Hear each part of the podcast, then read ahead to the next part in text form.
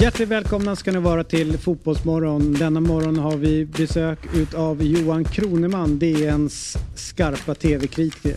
Dessutom Henrik Jalalian som har skrivit om Fredrik Reinfeldts muffmetoder inom svensk fotbollsrörelse. Och sen Daniel Disco Kristoffersson är med och pratar om de senaste övergångarna i svensk fotboll.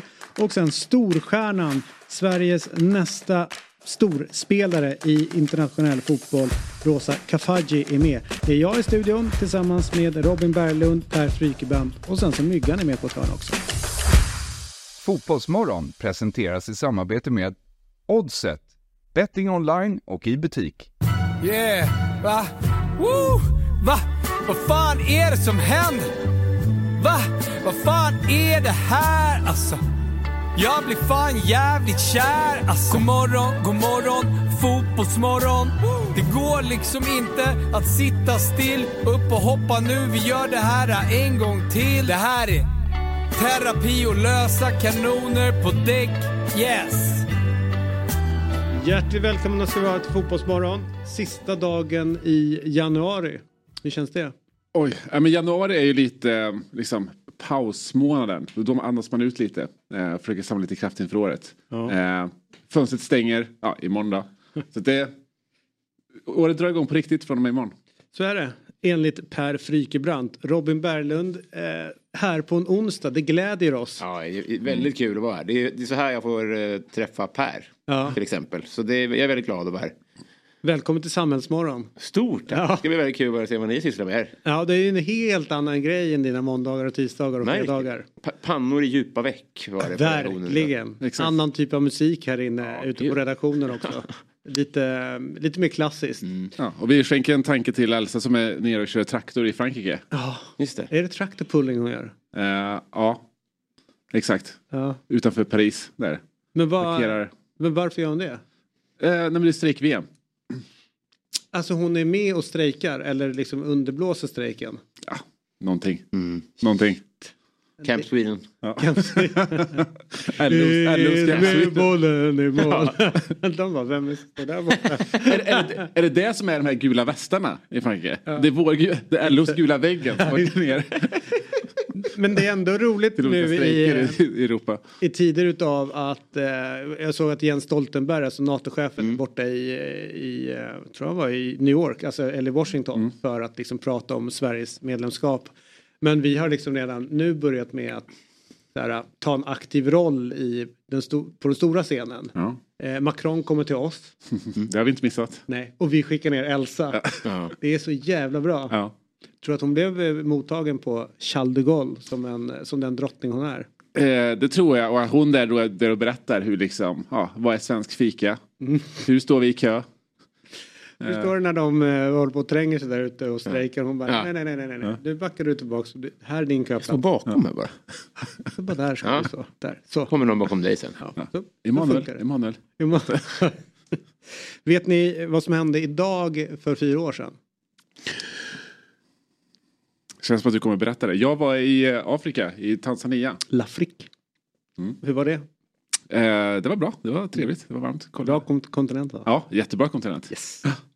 Du, eh, det är eh, fyra år sedan på dagen som det första bekräftade covidfallet upptäcktes i Sverige.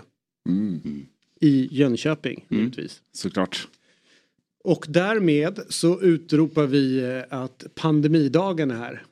Ja, Vad kul! Den svenska pandemidagen. Ja. Hur uppmärksammar ni den? Nej, jag kan passa på att hosta i ett veck. Mhm. Tvätta Und- händerna lite extra kanske? Ja, på om, eh, om det infaller på en lördag. Ja. Kan jag unna mig lite hål. man kan ju inte tvätta sig varje dag. Hur det ser ut, så jag är ändå kille. Ja, det, det är ju intressant det här med att alla blev väldigt bra på att liksom så här, hålla avståndet eller vara hemma när man är sjuk Mm. eller tvätta händer och hosta i väck och sådär. Helt borta nu ju. Ja. Hos den all, breda allmänheten ska jag säga. Mm, det står en, hand, en handsprit hemma hos mig men den har liksom typ höjt i havsnivå. Ja, exakt. Alltså den används ju inte men den är symboliskt där för att visa att jag är en god man. Det, Jag håller med om det. behöver du inte ha en handsprit för att eh, du ska känna. Nej. Eh, men eh, var det någon av er som åkte på eh, coronan? Eller covid? Det har man... Storkovan som jag brukar kalla den. Mhm. Eh, inte vad jag vet. Ja, du vet inte om du har... Alltså du har inte haft bekräftat? Nej. Var inte du heller? Jo, jo. Ja, jag tänkte... Ja, ja. det, Ja, den Ja, small, den- small direkt för mig. Du vet, I eh, början så gick ju den där eh, covid bara på afrikaner. Känns det som. Det var ju fullt ut oss på, på intensiven där. var det så? Ja, I typ. Sverige? Ja, ja, visst. Eller i världen? Nej, det här. Varför då? Ja, oklart. Det var ju snack om Jo, att det, det var, var- någonting med eh, brist på D-vitamin som vi får på Ah. vinterhalvåret och sånt där. Jag känner igen, jag känner igen det. Så att då låg man... Fast jag... Ännu en is som du får vara själv på. Ja, men Den är verkligen. lite tunn. Ja, ja, ja den, är inte, Ja, men det- den är inte så tunn som du tror. Inte det? Nej, det Nej. har nog, eh, det finns nog en viss kärnis under mina fötter. Men jag säger, det är säkert sant. Ja. Men jag tänker inte uttala mig. Nej, nej, det ska du inte göra. För att om du gör det så kan det bli eh, stök. Om slut jag gör jobbat. det så kan det bli ja, Kul. ytterligare en afrikan som har fel. Ja. Men ehm, eh, nej, jag hade ju rätt stökigt. Eh, jag tror att jag låg, eh, eller räknade ut att jag låg ner under 21 dagar i sträck. Med väldigt, väldigt hög feber. Oj, Ja. det är ju, då är man ju väldigt dålig. Ja, nej men det var inget kul. Nej. Så att efter det har jag eh, tagit alla sprutor man kan ta. Ja, eh, för att liksom, det här ska jag aldrig drabbas av igen. Mm, mm. Eh, men, men, jag överlevde. Ja, men då är det bra att vi har den här pandemidagen då. Mm. Du kommer ihåg att ta extra D-vitamin. Ja, det, men det har, det har jag gjort också. Mm. Du hörni, ni har väl inte missat att 08 Fotboll har kickat igång en ny säsong va? Nej, Nej? jag har sett det. Du, eh, det ligger ju där på Dobb-TV för dem som kanske tittar och lyssnar som har missat. Och eh, då är det så här, och det är säkert en del då märkligt nog som inte har en prenumeration på Dobb-TV. Och då har vi ett eh, erbjudande, eller som vi brukar säga ett Superdeal. Ja, en superdeal. Lyssna på det här.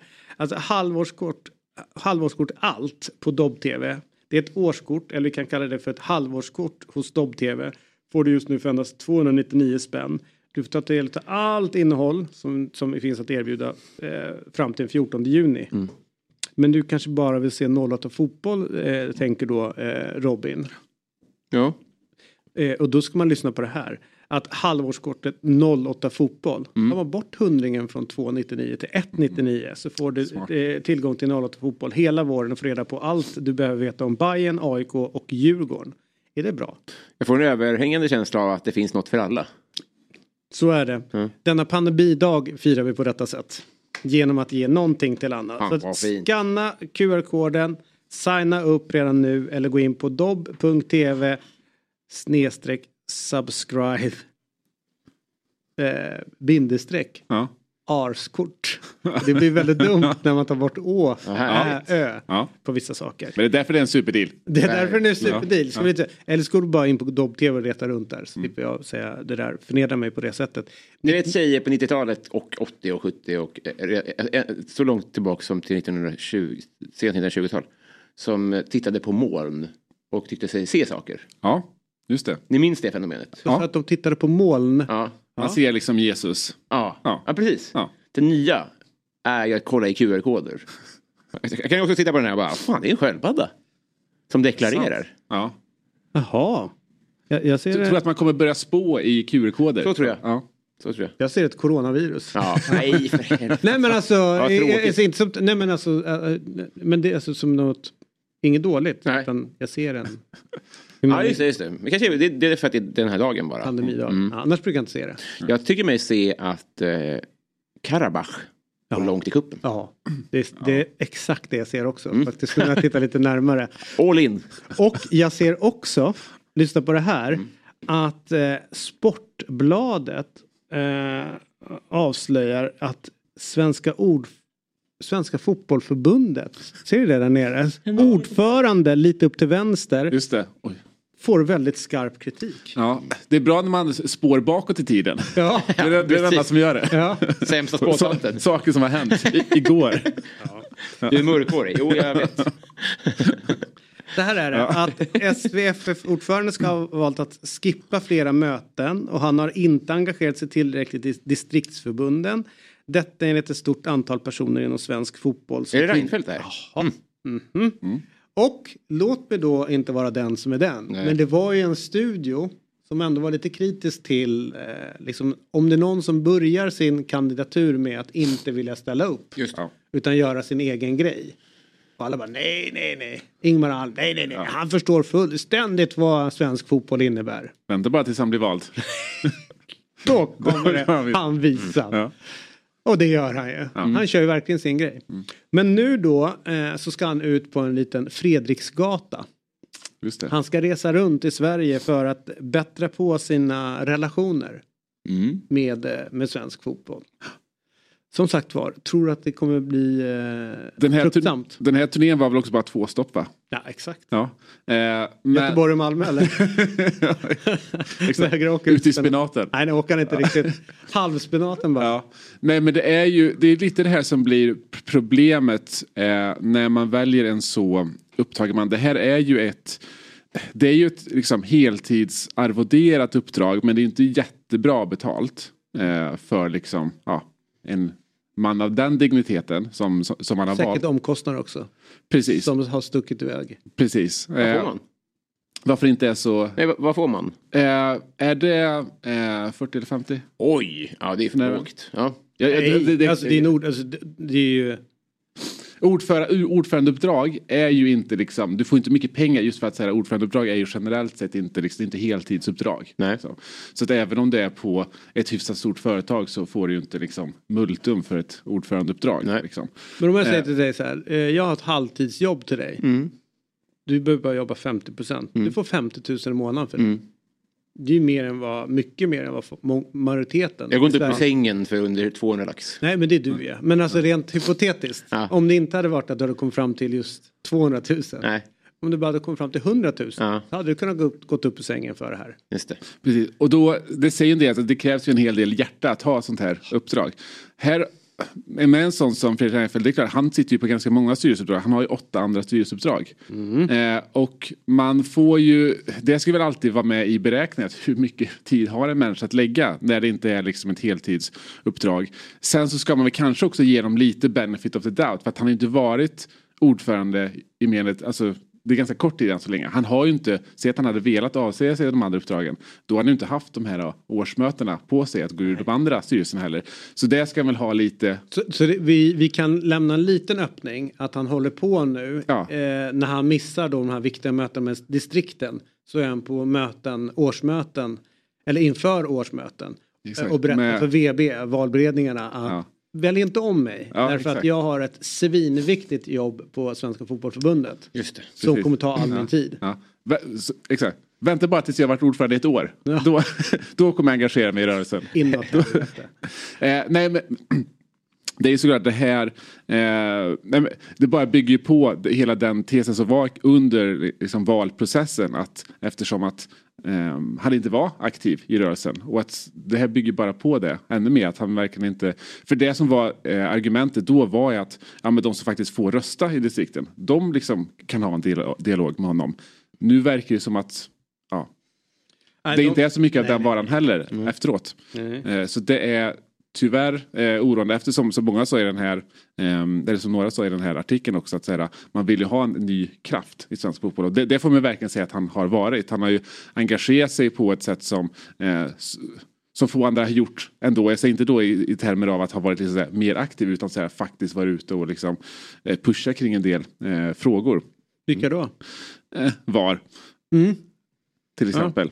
Eh, och oavsett vad man tycker om en sån fråga så tycker jag att det piggar upp när eh, en, en ordförande då är ute och liksom, jag ska inte säga att han driver frågan för att jag, jag tycker att han fått mycket, väldigt mycket skit för att han är liksom ute och driver liksom eh, en speciell position. Det gör han ju såklart men jag tycker han varit väldigt öppen där med att det är ju rörelsen som bestämmer. Eh, Får jag bara säga, eh, flika in där att vi, ska prata lite Ja. mer om det därför att han har ju också fått kritik eh, för att använda metoder när han då driver frågan eller om han nu driver frågan. Eh, och det ska vi prata om från eh, klockan åtta med Henrik Jalalian som är journalist eh, på ETC och har skrivit en text om att han känner igen Fredrik Reinfeldts metoder från MUF där han då var engagerad en gång i tiden. Och vi, eh, för eh, tydlighetens skull också, så har vi bjudit in Fredrik Reinfeldt återigen. Eh, och som alltid då så är det nej då från Reinfeldts håll att åka och besöka eh, ja, Han ska ju på sin miniturné nu. Ja, exakt. Eh, men det, är rent, det, det som har hänt är ju så att säga sen, eh, sen ja, ny ordförande, ny generalsekreterare, ny presschef så har det ju stängts igen på ett sätt som vi inte har sett tidigare i fotbollförbundet. Då kunde vi faktiskt både ha ordföranden och generalsekreterare och så vidare på besök. Men det är ju stängt nu. Eh, och det var ju det vi var lite oroliga för inför. Men då får vi prata om dem eh, istället för med dem. Och så får vi göra det. Så får de bara i så fall Ehm. Ja, nej, det, är, det är oroande. Det var inte bara liksom valprocessen. För det kan man på något sätt köpa. Eh, eller det kan man inte köpa. Men man kan se det som en, en one-off. Alltså när den typen av liksom, processer är stängda. Men när själva liksom, eh, styret i sig eh, under själva mandatperioden också är stängt. Det är då man blir oroad att det går från en folkrörelse till bara tjänstemannaorganisation. Eh, Den här, den här för, förlåt, jag, jag, jag är dåligt påläst här, men den här miniturnén ni pratar om. Är det på skämt eller ska han åka runt nu och... Ja, Ja, två, ja. två, två, två distrikt. Han och eh, Andrea Möllerberg ska åka runt. och känna hur det blåser? nej, eller? två distrikt ska de träffa. Jag vet inte vilka distrikt det är, vet du? Eh, var det inte Gästrikland och någon eh, till eh, uppåt? Ja. Med, med det direkta syftet att... eh, Bättra på relationerna. Ja, ja, ja. Vad hade de om de skulle, om ni var ett distrikt, vad hade ni varit svaga för för typ av förlåtgest? Om jag säger godisregn. Ja, det hade, alltså det hade ju...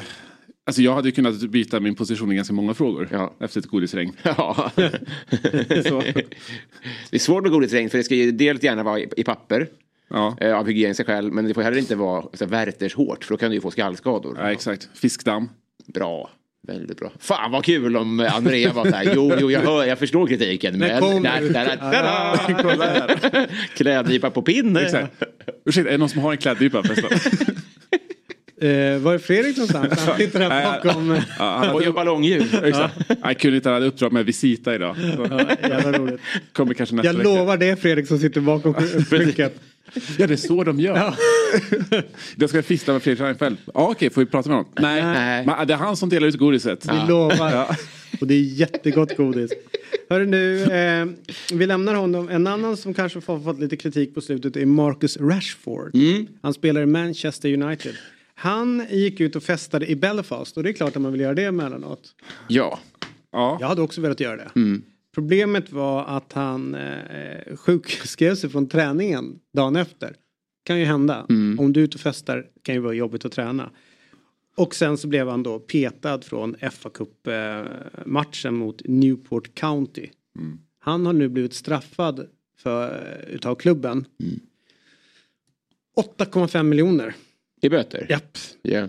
Det är en Sen- eh, sen- baksmälla. Ja det är ju en baksmälla. Sen så är det antagligen en, typ en veckolön eller lite där. Alltså det, det är inte så mycket för honom. Mm.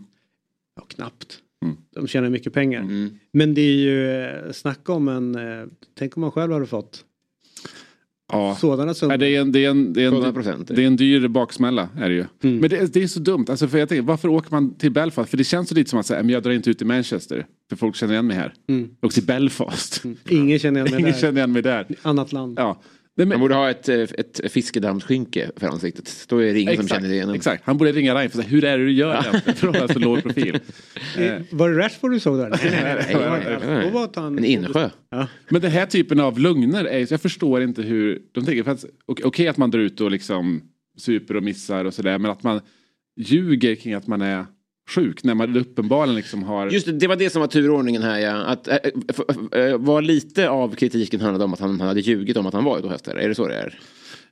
Ja, jag tror, jag tror så här. Hade han eh, inte ljugit hade det säkert blivit konsekvenser ändå för att han var ute och söp. Men, men eh, så uppfattar jag det ändå. Ja och sen Det- så att han missade träningen. Det var väl det. Om, om han hade kommit hem och, och kört på så han kanske kunde ducka Ja, och säga att så jag var ju bara slag där. på fingrarna. Ja. Men sa han till Ten Hag att han var sjuk? Eller sa han det till media? För det skulle man ju kunna förstå att han, de, de säger underkroppsskada när det egentligen är våldtäkt så att säga. Ja. Vet ni om, förstår ni frågan? Ja, men Jag- jag, jag- har inte riktigt uh, grottat ner mig i det där. Nej. Men för jag har, har, har, följt den här på rubriknivå, den här nyheten. Och jag har bara fått känslan av att det är ingen som är arg. Nej, för att det är Marcus Rashford. Alltså han... låt säga att det varit uh, Jadon Sancho som hade varit Ja, ute då. och snurrat. Mm. Då hade, då hade de typ klippt kontrakt, kontraktet med honom. Men Marcus Rashford har ju, alltså, jag tror att han har sjukt mycket slack på sin lina för allt det goda han gör och att han är en liksom Manchester United-kille liksom så här. Och, och så jag tror att han kanske utnyttjade det lite för mycket den här gången. Han har lite manöverutrymme. Men, ja, men han, vad jag förstår så har han ju varit helt liksom så här, ja men straffa mig, jag, jag tar det ni ska, jag ber om ursäkt. Alltså han har ju verkligen lagt sig platt. Eh, och de verkar inte ha något problem i klubben med honom. Nej. Shit happens. Någonstans. Jag skulle vilja ta upp en annan grej eh, som jag satt och störde mig på lite grann igår. Det kan ju hända. Ja. Vi leker med tanken att Malmö FF eh, hamnar i en grupp med eh, Chelsea, eh, tar kanske Ajax då och eh, Real Madrid Mm. i, i Champions League. Och i, inför sista omgången så har de Real Madrid borta. Och har chansen att ta sig vidare liksom från den här dödens grupp. Och lyckas med det. Vi börjar med bara uppstället. Hur hade det sett ut runt en Malmö-match? Eh, när de spelade? Hade det varit studio innan? Hade det varit kanske någon studio på plats? Eh, Hade Två, det, två timmar innan va? hade det varit kommentatorer på plats? Det hade det varit. Det var studio två timmar innan då tror jag. Hur Ja. stort grepp hade Niva tagit? Ganska stort tror jag. Ja. Ja, nu är det ju Ja. till och med på eh, TV4 Ja. som sänder. Men jag förstår vad du menar. Niva hade ju varit på plats för Aftonbladets räkning. Ja. Här har varit rätt mycket journalister. Kristoffer Lundström hade tagit ett stort grepp. Han var kobraman. Till och med han har varit så här. Och ikväll så är det ju en, ja du vet så. Ja. Och sen så hade de då vunnit borta. Mm. Och sen blivit liksom klart tvåa i gruppen. På hugg på att komma etta. Det, det hade ju varit liksom så här, det, det hade ju de hade ju, ja, det hade varit en stor grej. Och det har varit väldigt mycket eh, skriverier om det. Igår satt jag och kollade på en bedrövlig sändning. Mm. När då Häcken har chans att göra den här bedriften. Och lyckas. Vinner borta mot Real Madrid. Kommer två i gruppen. Och då är det alltså en redaktion som har sagt uttryckligen under många år det ska vara jämställd sportbevakning, jämställd journalistik. Då är det alltså världens största sport, världens typ svåraste eller största turnering får man nästan säga att det är. mm. Såg ni sändningen? Alltså, du vet- matchen men inte sändningen måste jag säga. Ja men exakt, för det var knappt någon. Nej. Då sitter de i Stockholm och Det var ingen kommenter- eftersändning såg jag i alla fall. Nej, jo, den katastrof som var liksom, det, det var ju frysbild under, under ett precis. tag och, och så vidare. De har en reporter på plats som inte lyckas få upp en enda intervju till oss som satt och kollade. Nej. Och, och folk som sitter i Stoppa, så, eh, hemma i Stockholm och kommenterar. Hur jämställt är det här i bevakningen? Mm, mm. Eh, hade SVT behandlat Champions League för herrar på samma sätt. Då hoppas jag att de aldrig får sända Champions League. Eh, Nej, precis. utav varken dam eller herr i fortsättningen. För det här var ju, och just att man har slått på stora trumman så här, vi gör jämställd sportjournalistik. Ja. Då måste man ju i så fall göra, okej det är lika viktigt med damer och herrar. Det är en stor sport. Hur kan det se ut på det här sättet? Det kastar jag då upp frågan till er. Och sen också att man lägger den på, på play. Ja, och, SVT 24 eller Barnkanalen då. det Exakt. heter. Och, eh, och det var väl också för att det konkurrerade med, var det lottningen till eh, ja, Eurovision någonting? Jag vet inte, det var, det var något annat som konkurrerade ut i alla fall. ja, eh, och, och Lars det Lerin antagligen. Lars Lerin var det väl. Ja. Eh, nej men för det, eh, nej jag håller med. Jag- Jag, var väldigt förvånad när jag, när jag såg det. Speciellt också att när du har den, eh, när du har den rättigheten som liksom så här, förmodligen ändå inte kostar så mycket. Dem, liksom. Att inte då bara maximerar i ett sådär. Det här är ju fantastiskt för dem att kunna bygga på. Mm. Här har de ju då, eh, det kommer vara ett liksom nu, nu, nu spelade det ju ingen roll att de vann för de skulle, liksom, gick ju vidare ändå. Det visste man ju dock inte på förhand. Men ehm, det är en historisk, historisk avancemang Mm. ändå. Eh, jätteförvånad. Ja. Jätte, jätteförvånad. Jag, ja, jag, jag, blir, jag blev helt matt. Ja. Jag hade hoppats på liksom att få höra Rosa Kafaji där efter matchen när man sitter och hon, hon avgör då det hela. Ingenting. Mm. Och då är det så här, ja vi har eh, mm, någon Emil Roslund, Iman Roslund eller något sånt där, eh, på plats där nere. Och hoppas att det kommer upp några intervjuer. Nej det gör inte det. Och sen så efter så har de då något program som snurrar som de lätt hade kunnat lyfta Mm. och bara fortsätta tills man får det. Så det är oerhört svagt. Ja, nej, verkligen. Man blir ju lite, ja. Och Alltså just nu- att, det är public service också som ändå då bör kunna ska egentligen inte då kommersiell, göra kommersiella avväganden på det sättet. Mm, Då skulle de kanske kunna lyfta något gäng, någon helg från någon skidskytte Mm. eller längdlopps, längd, långloppskupper eller vad det nu kan vara. Mm. Och säga så här, vi måste nog portionera ut där. Vi kan inte lägga in allting i Vinterstudion utan kanske här har vi någonting som är jättestort också. De skulle väl hävda, vi sänder damernas Champions League, vi sänder inte herrarnas Champions League. 1-0 till oss i jämställdhetsarbetet. Ja. Ja, så är det ju. Men det gör de ju för att de har förlorat den budgivningen, det vet jag också. Men eh, ändå, de, de, har ju, de sänder den i alla fall. Ja, sen det, men frågan är liksom, bör man inte göra mer liksom eh, journalistiskt utav det? Alltså ge någonting mer om man nu, om man nu ska sända det. Mm. Eller så är man så här, fuck it, gör ingenting inför. Ja. Var ännu mer rigida. Nu börjar matchen, vi börjar fem minuter innan och sen så slutar vi nästan Mm. på, på rotmos efteråt. Och då ska det gälla nästa jävla herrmatch också de Mm. sänder. Det är så här vi gör fotboll. Det är här är vår fotbollsbevakning. De gör väl ingen fotboll typ alls va? Ja, EM, EM Ja, jo, precis. Jo, jo, det och du vet, de har haft rätt, rätt många dag, ja, kupper och dammatch, damlandskamper har de säkert sänt också. Mm. Man blir ju eh, lite mörkare inför hur en eh, Champions League-final med Häcken skulle se ut. Om de håll- håller på så här. Ja, den... Eh, Men ska vi göra Alltså, hur sändningen anspråk då? Om de, om de, vi vi kan ta den. Vi tar den. Absolut. kan ta hela, hela, hela, hela Champions League. Om det är jobbigt att bedriva en verksamhet så är, då, då sträcker vi upp handen. Eh, och för att vi då ska inte vara så mycket sämre, så, sämre då, så har vi ju Rosa Kafaji med oss klockan nio. Och pratar Ja, det då med matchvinnaren.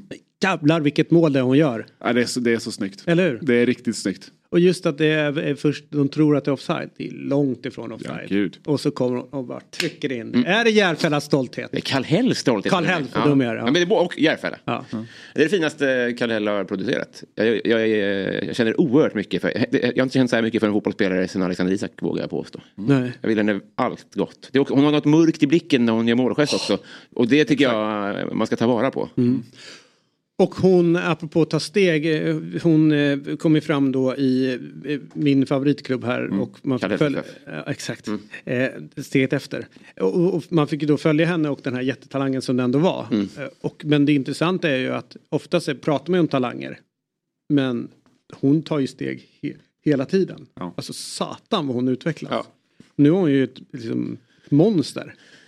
Om man följer, det kanske jag sa, men, men Women's Champions League på Instagram. Alltså hon är ju deras gullegris. De kan ju klippa ihop hur mycket som helst av henne. Eh, hon är ju väldigt eh, är bra i rörligt. Ja, ja. Hon är ju Ronaldinho liksom. Mm. Det är jävligt nice. Ja, det där är jäkligt häftigt. Som sagt var, vi återkommer till den matchen lite senare. Nu ska vi eh, hälsa välkommen till en, eh, får vi ändå säga, det här är ju en favorit. Mm. Fotbollsmålfavorit. Favorit i Fotbollsmorgon. Idag eh, har han, jag tror att han har, måste ha lämnat hemmet, Anna, eller nej, det är nere i biografen han sitter. Ja, eh, så att vi... vi Nere på, säger- nere på plan sju. Ja, exakt. Eh, hemma, hemma i den här villan. Vi säger välkommen till eh, Daniel Kristoffersson och då är det såklart Sillykollen med disco som vi kallar det här. Och han är, sitter hemma eh, och eh, idag stänger det europeiska eh, transferfönstret. Hur, hur är det här? En, en spännande, är det som lilla julafton för dig? Ja, men det får man säga. Det var ju, tror jag var fyra eller fem Silly-nyheter bara igår här. Men jag sitter ju här i Marbella, så det är ju där man ska vara. Man ska avslöja Silly-nyheter. Alla eh, lag tänkte jag säga, men många lag är här. AIK, Malmö, Hammarby, eh, Norrköping kommer, Häcken är här. Så att, eh, det är fullt blås. Ur ett eh, världs eh, eller Europaperspektiv eller något, är det det sämsta fönstret någonsin? Nej, men alltså, ja, det måste det vara. Absolut, om man ser till ett internationellt. Inte allsvenska då, men internationellt. Allsvenska stänger ju senare här. Men eh, det är väl, eh, har väl att göra som med allt annat. Eh, lågkonjunkturen och klubbarna har ju inte pengar. Så att eh, det är ju... Ja, när jag tittar på Premier League. Det, jag tror inte det kommer hända, smälla några större bomber här. Eh, de, eh, både idag och imorgon. Så jag tror inte det händer stort, något stort internationellt i alla fall. Därför ur ett svenskt perspektiv är väl snarare det, det bästa. Det känns det är projekt 500 som man drog igång. Det borde ju vara check och bock på det nu. Efter det här fönstret. Ja men så är det ju. Sen om det är frågan är om det är ett verk utav det projektet som har dragit Nej, det- igång eller den fotbollsinflationen Absolut, som ändå absolut. har varit. Och det är ebb och flod i sådana där priser eh, också såklart. Och det kommer inte vara lika mycket nästa år. Men ändå kanske ett, en, ett argument för varför eh, svensk elitfotboll ska sätta ett nytt mål. Mm. Projekt en miljard. Så är det, det tycker jag absolut. Hörru du, eh, det, det var ju helt bizarra bilder som dök upp från, eh, jag har ju bara då sett från AIKs träning, men det, samma sak blev ju från, på Häckens träning. Vildsvin som drar över eh, fotbollsplanen. Och där var ju du eh, där och bevittnade. Hur togs det emot? Blev folk rädda? Nej, men nej, tvärtom. Berntsen blev eld och lågor och stod och filmade och tyckte det var hur kul som helst. Eh, det var väl inte lika aggressivt vildsvin den här gången som på Häckens träning. Eh, men, eh, nej, men jag har ju några kompisar som bor här nere i Marbella permanent och de säger ju det att det är någon form av vildsvinsboom här nere nu som har kommit. Att de kunde se liksom vildsvin i rondeller och vildsvin här mi- mitt i, mitt i stan så att säga. Så att, eh, sen var det kommer ifrån, det hade de svårare att svara på. Men eh, det är en, eh, onekligen en vildsvinsboom här nere. Det är, de, ni vet att de är ganska de kan bli förbannade. Ja, ja, och då, absolut, är, absolut. då har man inte mycket att sätta emot. Snabba som fan är de. Ja, Är de de- skadedjursklassade? eh, ja det, är väl, det är väl fri jakt på dem. Nice. Ja. Det, det det var för- därför Berntsen blev glad. Ja, exakt.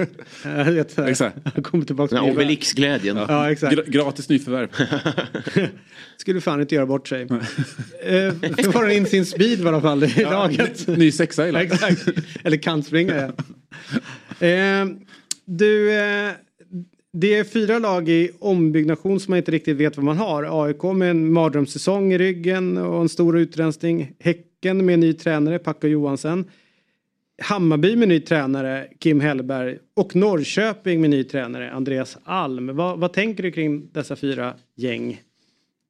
Nej, men jag tänker ju att det har varit eh, väldigt stor aktivitet kring båda de här, alla de här klubbarna som du nämner. Och det blir ju så när, när man har nya tränare och när man bygger om då. Eh, AIK har väl varit ganska tydliga med att de ska banta truppen och att de ja, ska ta in två spetsspelare till. Då Norrköping bygger om med Alm. Eh, Häcken eh, likaså. Eh, ja, så att, och Djurgården, ja, där blir det ju automatiskt med tanke på att man har sju eh, centrala mittfältare och där måste det hända något. Men, eh, nej, men det är klart det är intressant att se vad som händer. Sen kommer det ju vara en väldigt osäkerhet kring de här lagen. Eh, alltså, ja, det är ju, man ska tippa topp fem eller i alla fall topp tre blir ju helt omöjligt med tanke på hur det har sett ut. Jag vill titta på Elfsborg också nu som säljer spelare i parti och minut här eh, och då blir det kanske lite osäkert också vart, vart de står. Så att, eh, jag tror att det är många som känner, eh, är sportchef som känner kanske att de vill ha in nyförvärv ganska snabbt här nu när det internationella fönstret stänger. Man skulle säga att det öppnar ju väldigt många möjligheter då eh, med en del spelare utomlands som man kan ta hem lite större namn när internationella har eh, stängt. Så att jag tror att det är många som vill ha, ha trupperna ganska klara eh, några veckor efter där så att de kan eh, spela ihop sig så här. Har du några gissning? I AIK då, vilka kan de här två spetsspelarna vara? Nej, men det är eh, Ismaila Koulibaly från Sheffield eh, United. Det är ju en central mittfältare som de har varit och tittat på länge. Jag skrev om det här för, för två, tre månader sedan. Och då var, eller två månader sedan och då var det ju aktuellt. Men grejen är där att han försöker komma ut från det här kontraktet med, med Sheffield United. Och om man ska bryta kontraktet eller om man ska gå på lån eh, fram till sommaren då, där hans kontrakt går ut. Så att, det är väl dels det handlar om det eh, gällande AIK då, och sen handlar det om pengarna. Eh, vad de kan betala om det ska skrivas in någon köpoption eller sådär.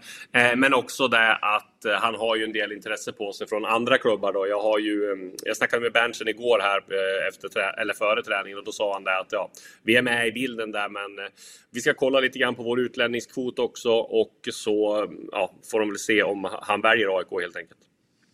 Vad, vad har vi för bomber ut då att liksom eh, hålla koll på sista, sista 24 timmarna här eller lite, lite 36 timmarna av, av fönstret? Är det, är det Djukanovic som är den stora eller är det någonting där överhuvudtaget att hålla koll på eller vad tror du?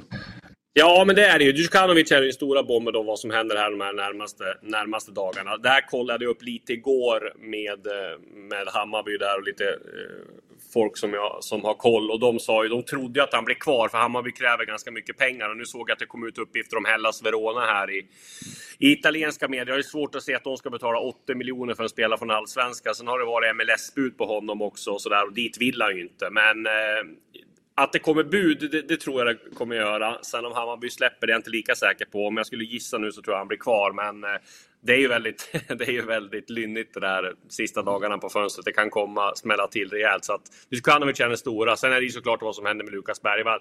Där är det ju inte lika, lika, mm, lika stressigt med tanke på att affären kommer inte göras upp förrän han fyller eh, 18 då i, efter 2 februari.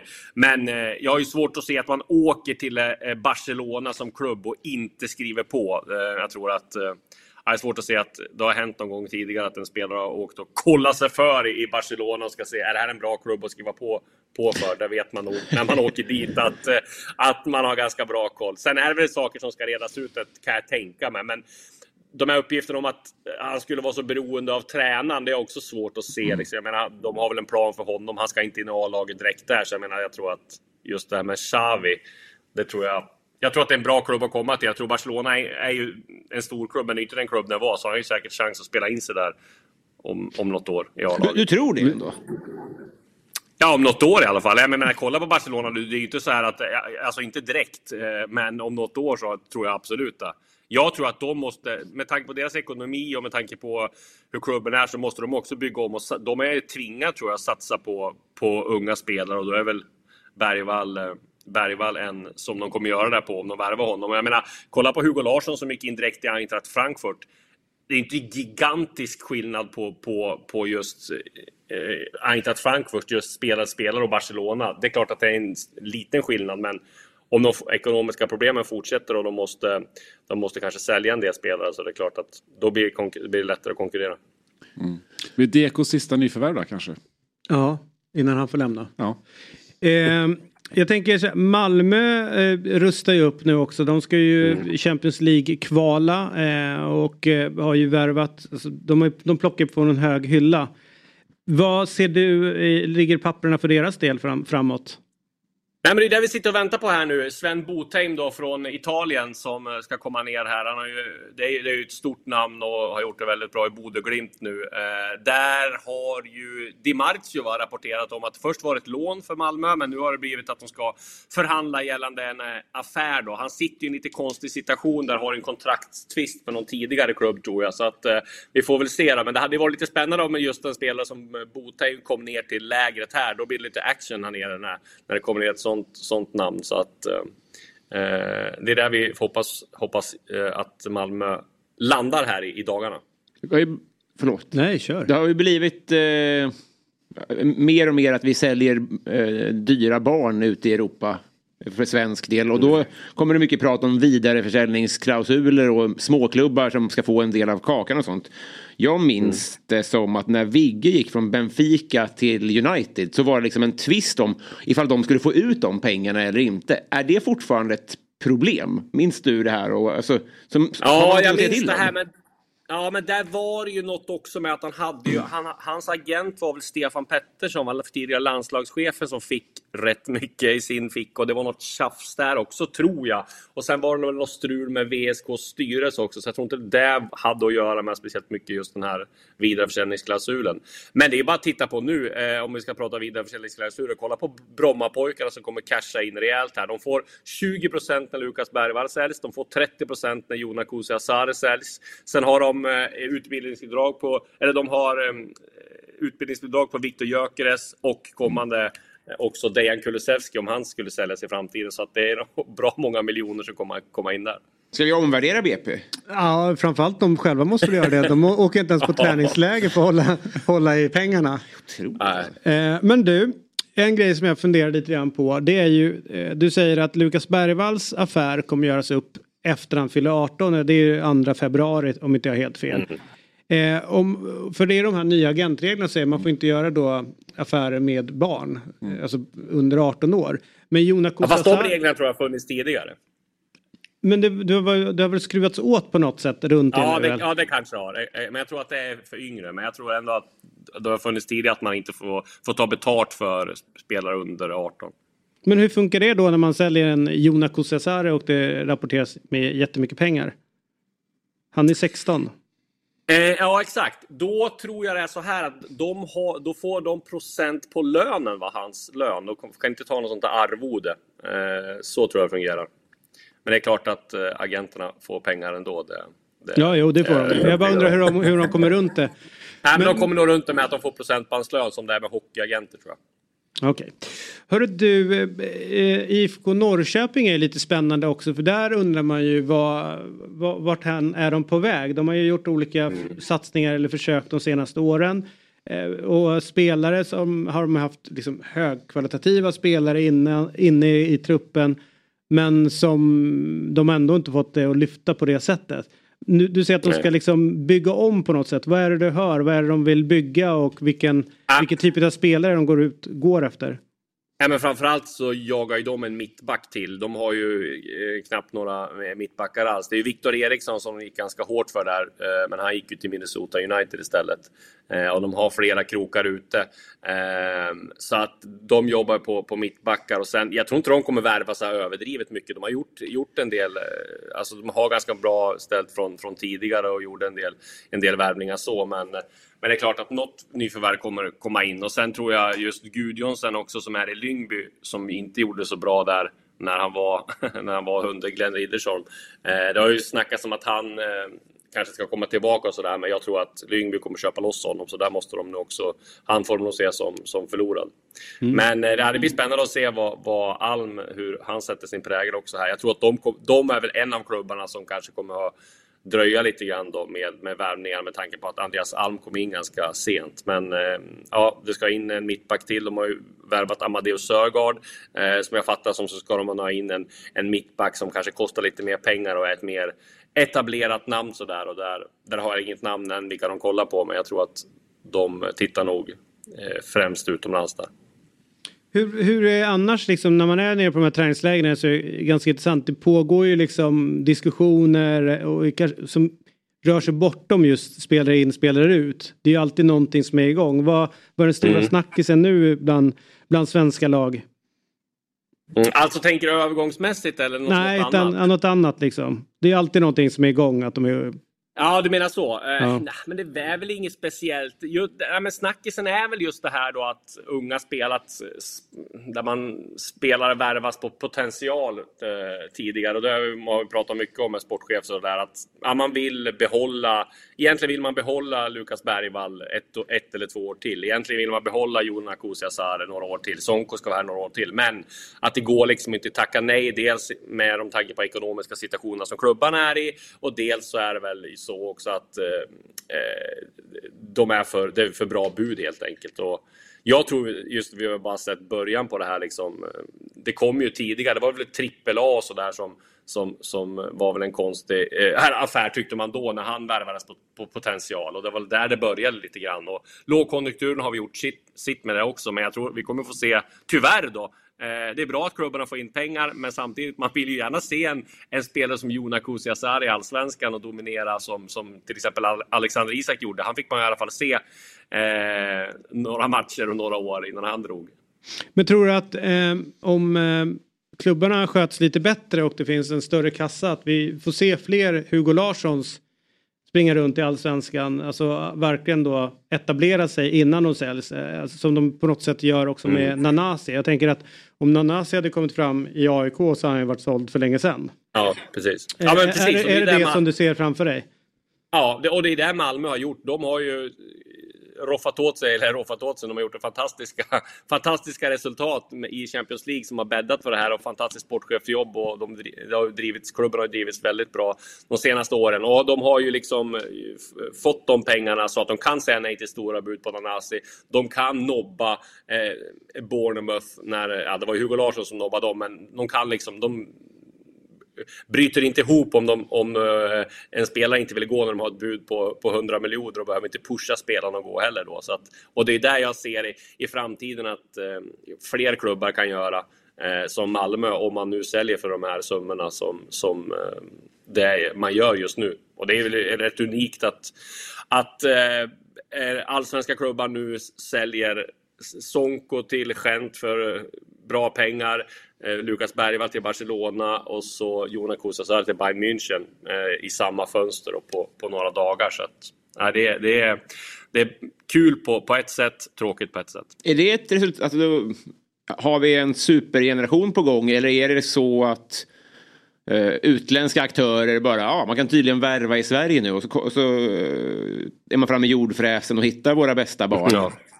Nej, Jag tror att det är en kombination. Dels är det väl att vi har bra, gener- äh, kolla på u landslaget det finns ju hur många bra spelare som helst där till exempel. Och, och en, även, även eh, längre ner i åldrarna så finns det ju väldigt bra. Det är väl eller, eh, en, snackas mycket om att Sverige har ganska dålig akademi och dåliga, liksom, dåligt på att ta vara på sina talanger. Men det här får väl ändå säga en fjäder i hatten till, till det arbetet med tanke på hur, hur, ehm, hur, ja, men hur mycket de säljs för. Då. Sen är det också en kombination av att klubbarna ser väl... Alltså allsvenskan hamnar inte i någon form av mellanskikt när det gäller till att till att ehm, liksom vara, vara intressanta för, för ehm, klubbar. De, vi har ju inte som Danmark, att Danmark kan ju ta liksom dubbla betalt. Man ser spelare gå för 200 miljoner där som är i samma ålder som, som Bergvall och sådana där. Och då har man hamnat i ett skikt där klubbarna fortfarande kan fynda.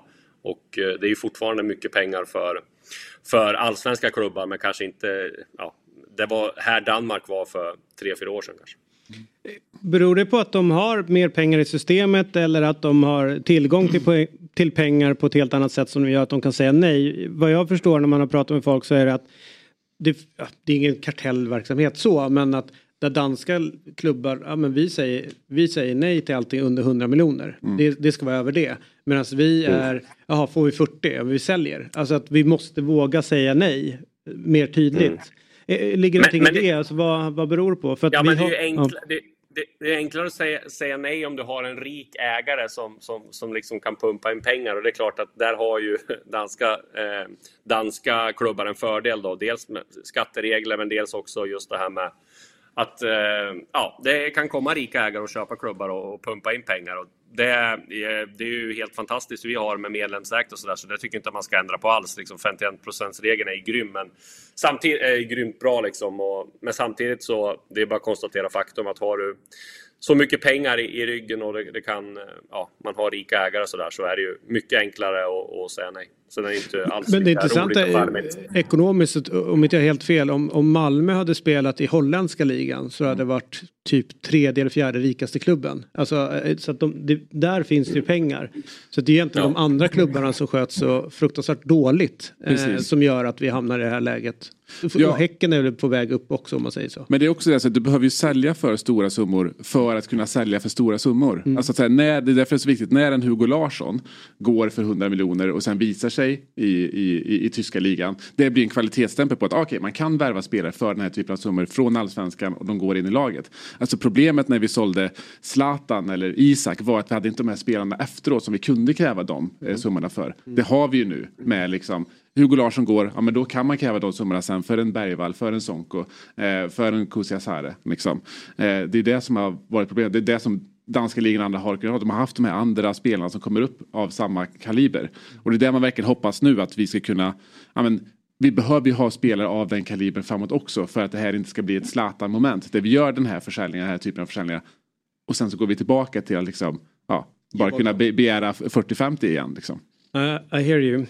Du, eh, vad härligt att ha med dig. Eh, sen kan du hävda hur mycket som helst att du är i Marbella. Vi vet att du sitter hemma i, i kåken. Eh, så att det där är inga konstigheter. Du är Ja. avslöjad. Ingen har ju drömjobbet nu att baka sill i Marbella. Nej, det, är liksom, nej. det är för bra i januari. Alltså om inte eh. ens SVT har råd att skicka ner folk till, till Madrid så har fan inte Sportbladet råd att skicka ner dig till Marbella. Så enkelt är det. Att ens kunna matcha sin salong med sin skjorta, det är oerhört power. det är- Nej, men det, det har jag tänkt till. Ja. För er skull. För er skull. Härligt disco. Eh, Tack för den här morgonen eh, och eh, vi, vi återkommer. Det är ju spännande tider. När stänger det svenska fönstret? Imorgon natt. Ja, det svenska. För, ja, det svenska? Nej, men det stänger ju i mitten på mars. Det, det, det, dram- är ju jäkla, jäkla lång tid tillbaka. Så snart kommer vi börja rapportera mer om spelare in. Alltså det, den Absolut. grejen. Absolut. Eller i mitten, men kanske till och med senare.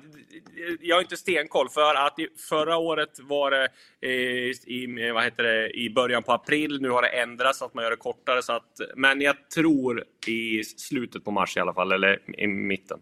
Ja, Senare delen av mars säger jag. Ja, där. Vi helgarderar. Någon gång i mars, kanske april.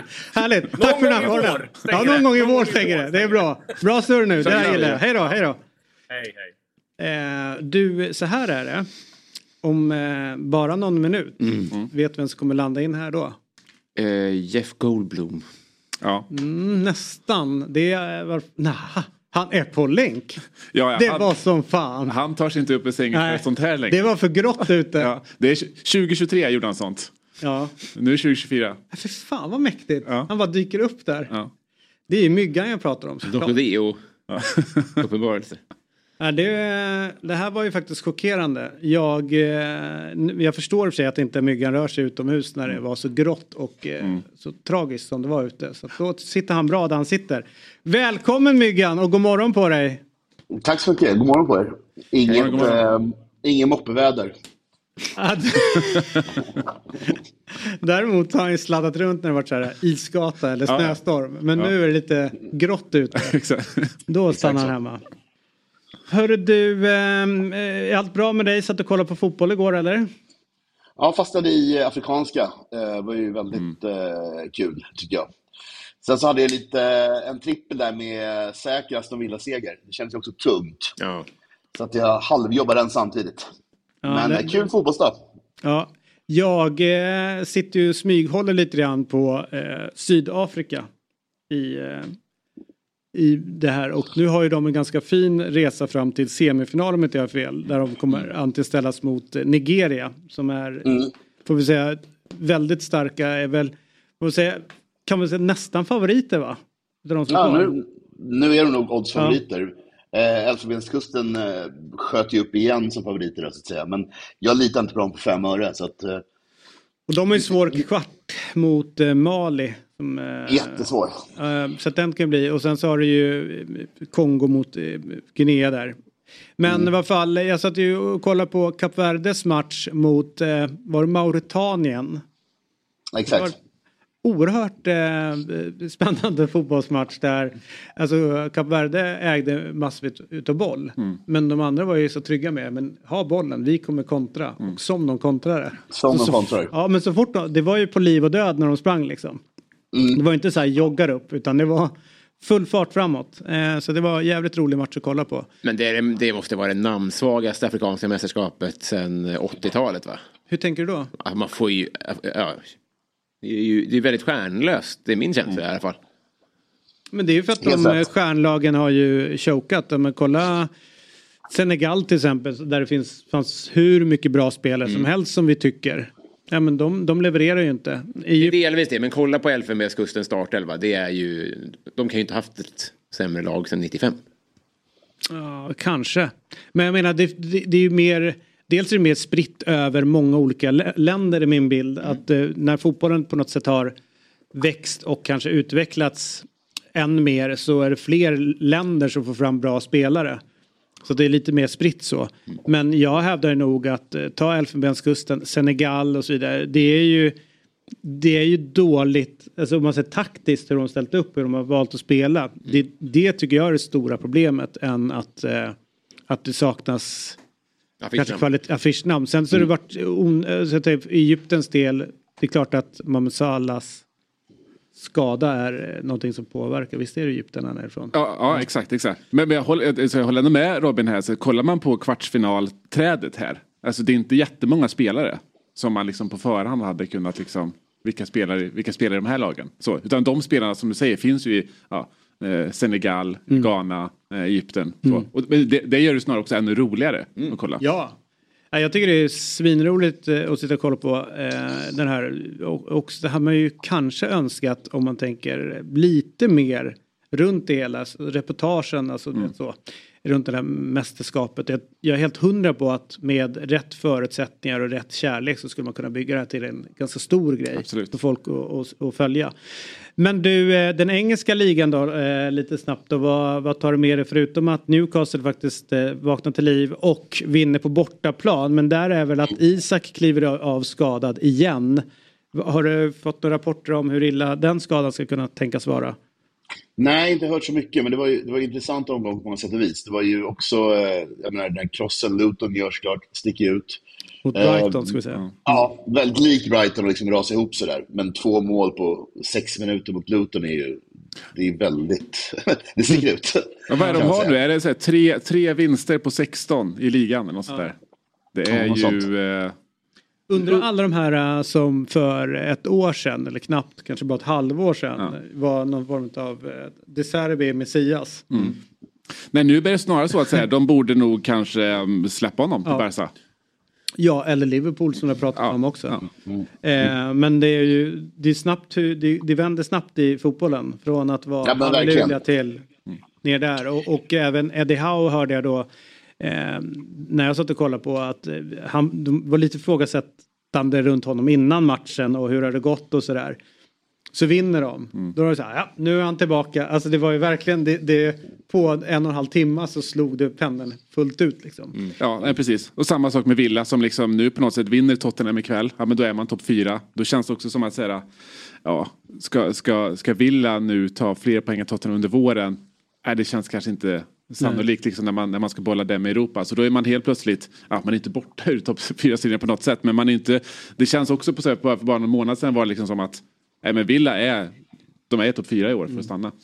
Och sen så mot just engelska ligan så har väl afrikanska mästerskapen slagit ganska hårt. Ja. Mot alltså bärande viktiga spelare för rätt många klubbar som har varit, eh, varit borta. Nu noterade jag att han Jackson som spelar i Chelsea ska då ta flyget direkt upp till, eh, till matchen imorgon mot Liverpool.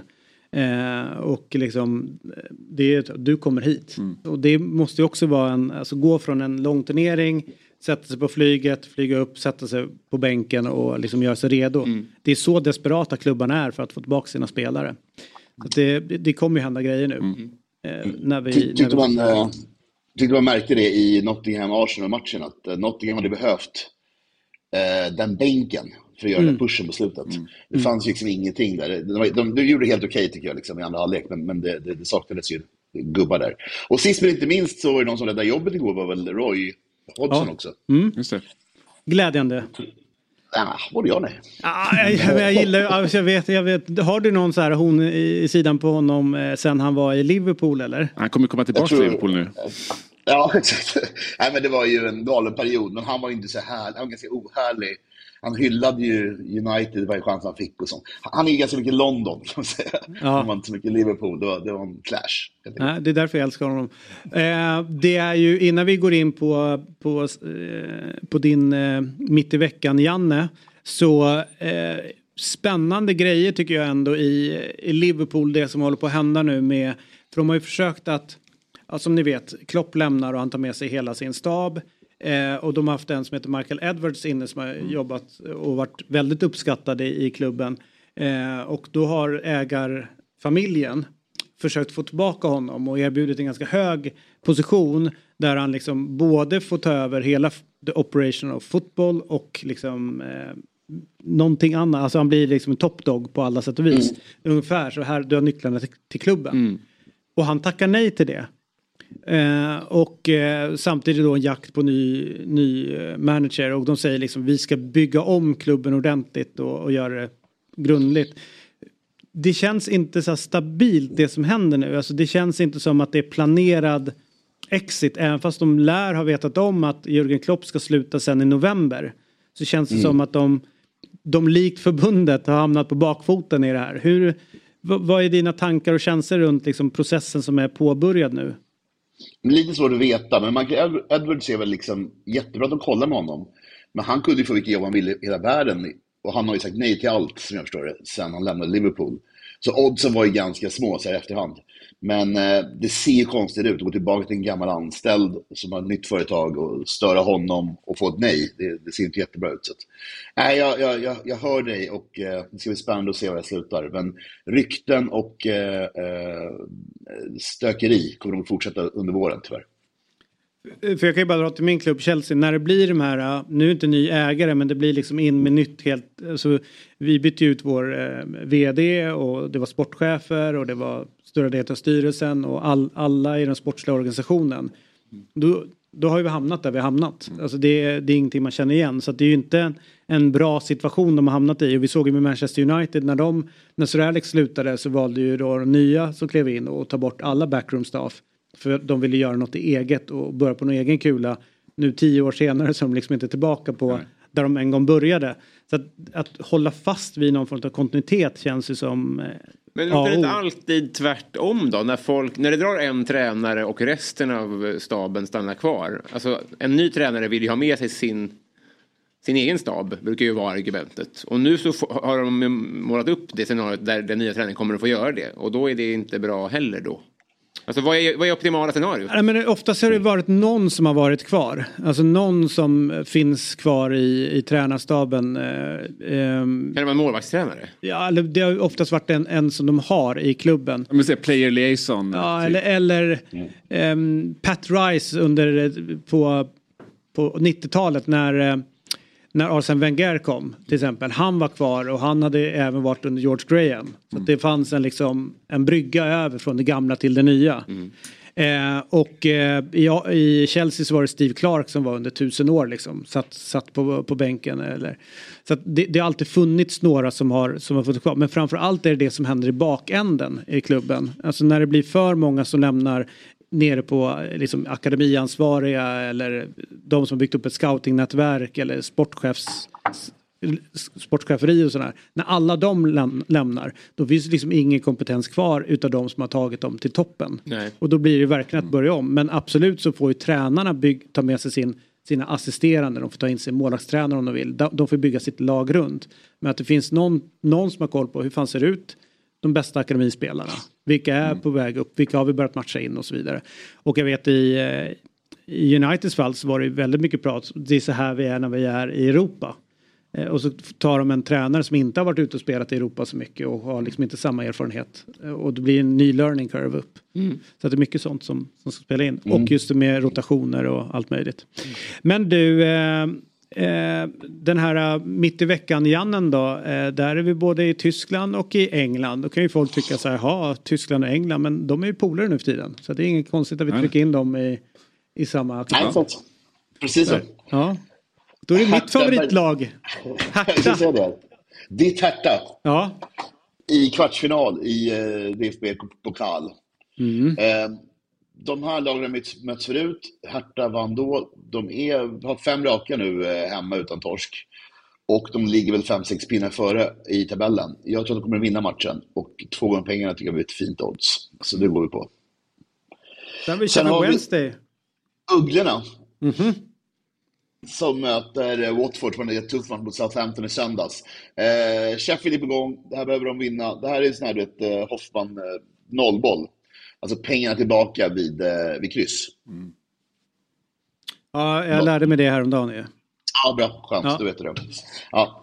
Eh, och sist men inte minst tycker jag det är en jäkligt rolig match. Och för en, för en, eh, det här är torsdag och för den som vågar är ju tvåan eh, väldigt högt odds på. Jag tycker Bournemouth är eh, rätt mycket bättre än West Ham just nu. Och eh, där kan vi verkligen prata om skador plus Afcon stör West Ham. Så att, eh, samma sak där, nollboll på Bournemouth till 2,08 är superodds. Så det kommer sluta med att du sitter med eh, den här kommer ge två gånger pengarna. Exakt. Är den enda som går in. Som Ja. Och det här ger eh, 8 och 16 i odds. Eh, Och om du vill spela så måste du vara över 18 år. Eh, Och om du har problem med ditt spelande så finns stödlinjen.se och Oddset är en produkt från Svenska Spel, Sport och Casino AB. Jävla tråkigt att du inte var i studion måste vi ändå säga. Men var härligt Ja, att se verkligen. dig. Verkligen. Vi ses ju dock eh, kanske någon gång innan du sticker. Ja, ja. På fredag. Då jävla smäller det. Oj, oj, oj. Håll i hatten. Håll i hatten. Tjo, tjo, tjo! Nu går tåget. Ja, det, det kommer vara ett jävla tåg på fredag. Och eh, jag kommer göra Marcus Rashford på lördag. Sjukskriva mig. Be om ursäkt. Sjuk, nej, nej, sjukskriva mig. Inga ursäkter. Det ska man inte hålla på. Och, och jag gör den där uh, peka mot huvudet hela lördagen. Ja. Exakt, exakt, exakt. Ta det lugnt fjäll. Käften Det alltså. jag ser fram emot 8 miljoners bakfyllan för er två. Ja, Ja, ja, ja. ta fan hellre två år i, i, i finkan än betala 8 miljoner för en bakfylla. Du, eh, tack för den här morgonen. Tack själva. Ha det bra grabbar. Tack, tack. Ja, och vi är strax tillbaka. Morgon, god morgon, fotboll. Ett poddtips från Podplay. I podden Något Kaiko garanterar östgötarna Brutti och jag, Davva, dig en stor dos skratt. Där följer jag pladask för köttätandet igen. Man är lite som en jävla vampyr. Man har fått lite blodsmak och då måste man ha mer. Udda spaningar, fängslande anekdoter och en och annan arg rant. Jag måste ha mitt kaffe på morgonen för annars är jag ingen trevlig människa. Då är du ingen trevlig människa, punkt. Något Kaiko, hör du på Podplay. Därför är gardinerna. Morgon, woo! Morgon, god morgon, fotbollsmorgon, woo! Då är vi tillbaka i Fotbollsmorgon. Robin Berglund, Så är det. David Fjell, Per Frykebrant är på plats och eh, dessutom Henrik Jalalian är det va? Jalalian. L- Jalalian. Vi, vi pratade lite grann om efternamnet här, eh, Mm. vad, vad det kan ha för, eh, för ursprung. Persiskt. Det, det sa du. Ja, nej, men jag, poäng. sånt, sånt ser man. Per puts the per in persiskt. Ja, ja. Du jobbar ju på dagens, eh, säger du ETC eller ETC? Alltså jag vet knappt själv men etc tror jag man säger. Ja. För så här är det. Eh, frågan om implementerandet av VAR i svensk fotboll är ständigt aktuell och omdiskuterad. Trots att en övervägande majoritet av de allsvenska föreningarnas medlemmar är emot videogranskningen fortsätter frågan att drivas av Svenska fotbollsförbundets styrelse med ordförande Fredrik Reinfeldt i spetsen. Det, vet, det känner du till eller? Absolut. Där kan du Per. Ja. Någon som har tittat närmare på denna process är du Henrik. Politisk redaktör på Dagens ETC. Eh, och vi, återigen då, god morgon, välkommen till Fotbollsmorgon. Och eh, vi måste då säga att vi har sökt Fredrik Reinfeldt och vi har varit i kontakt med förbundets presschef Petra Thorén som konstaterar att Fredrik inte kommer att ställa upp i några podcasts. Sånt där håller jag inte på med. Nej, eh, och då, eh, jag vet inte om det här är det, eh, podcast, att så, men han jobbar inte post, podcast. Så. Och det är ju tråkigt och korkat av förbundet tycker vi. Vad säger du? Du är alltid rider ut till hans försvar. Wow, tack. Ja. Eh, nej, det här är å- återigen eh, eh, en i raden av väldigt eh, taffliga kommunikationsinitiativ från eh, förbundet. Eh, att, inte, eh, att helt räkna bort eh, ett av de största liksom, eh, medieformatet. Nej. Jag tycker det är roligt av honom. Ja, det är klart du Att tycker välja det. ett media och Ja. avskrivare. Jag, jag gör inte rörligt. Ja. Men han kanske inte har tid. Var det inte någon artikel igår om att Ja, han exakt. inte har tid med fotbollsförbundet? ja, men så är det ju. Han har väl inte tid med podcast då Nej, heller? verkligen Nej. inte. Snart säger han väl att han inte gör radio heller. Jag ställer inte upp i pixiböcker. Viktigt för mig. Det är ju helt rätt. Det tycker jag du ska göra. Har du någonting Henrik som du inte ställer upp på? Alltså så här, principiellt, det där gör jag inte. Oh. Alltså inte, inte när det gäller media kanske. Jag ska fundera på det. Ja. Nej, inget som jag kommer på i alla fall. Som jag, det här gör jag inte. Fan vad roligt det vore om eh, svensk media helt skulle börja så här, ducka fotbollförbundet. Allting de kommer ut med. Så bara, vi skiter i att komma på era presskonferenser, vi skiter i det. Vi går och kollar på när ni spelar era matcher. Ja, That's ja, it. ja. De bara, vi ska berätta om något nytt initiativ. Tyvärr, vi rapporterar inte om sånt. Jag är ledsen. Men säger han också nej till så här, man tänker lördags och söndagsintervjun som släpps som podd också? Säger han nej till dem? För det, det kan han ju inte vara med i då. Nej, det går ju Det inte. släpps ju som podd. Nej, absolut Ja. inte. Och, det, och egentligen är de flesta P, P, alltså SR-programmen finns ju Ja. då som podcast. Exakt. Jag kan vara med live, men ni får inte släppa det Ni som får podd. nej, för det, Ja, då, det- jävlar, det- där det- går det- gränsen. Eh, du, eh, så här är det, du har ju då skrivit en text eh, i, i tidningen där du har eh, pratat om att han använder samma metod. För precis som vi konstaterar att eh, eh, svenska, eller de, de elitklubbarnas majoritet, majoriteten av dem har sagt nej till VAR. Eh, och någonstans så bygger ju eh, Svenska fotbollförbundet på, på alla klubbar och det, är det, är det som då blir fotbollförbundet till slut då. Eh, men de har en ordförande som driver på frågan ändå. Vad var det för dig som, som gjorde att det var viktigt att börja liksom kolla in i det här och hans, vad, vad är det han håller på med? Ja, men det är ju en ganska klassisk demokratisk fråga. Demokrati det är ju inte bara vilken majoritet man har. Det är också så, men vilka är det som får rösta? Alltså, jag menar, vi får inte, eller jag får inte rösta i kommunvalet i Jokkmokk. Jag bor i Stockholm. Alltså sådär. Ehm, Men så där är ganska klassiskt. Och där kan man ju se ibland att politiker de blir lite lockade när man inte har en majoritet. Som Reinfeldt då verkar sakna när det gäller i alla fall klubbarnas medlemmar. Blir man lite sugen på att byta majoritet. Det som fick mig att bli intresserad var väl egentligen att man såg den här undersökningen som kom från Svenska fotbollsförbundet om att en jätte, jättestor majoritet ehm, av eh, fotbollssupportrarna då skulle vara för VAR. Det är ju inte riktigt den bilden man har. Så blir man intresserad och vill gräva lite mer. Ungefär så. Och den har ju fått kritik just den undersökningen att eh, den, den är då eh, så att säga beställd och att man ville få ett visst resultat eh, för att sen använda det i, i eh, ja, deras kommunikation eller som, som, ett, som ett slagträ eller som ett argument för införandet av VAR. Titta nu hur det ser ut. Jag vet att du är vänder dig lite grann emot eh, kritiken mot själva undersökningen. Och eh, hur tänker du där? Nej, men jag tänker, för det här är ju inte ett, en, en konstig metod att använda. Alltså, jag, jag har själv jobbat med den typen av undersökningar mycket. Och, eh, Eh, det, det är så man gör i stora frågor. Man, man- man gör en opinionsundersökning kring för att se vad, vad är liksom, inte som beslutsunderlag på något utan för att se hur liksom vinden blåser bland, bland människor.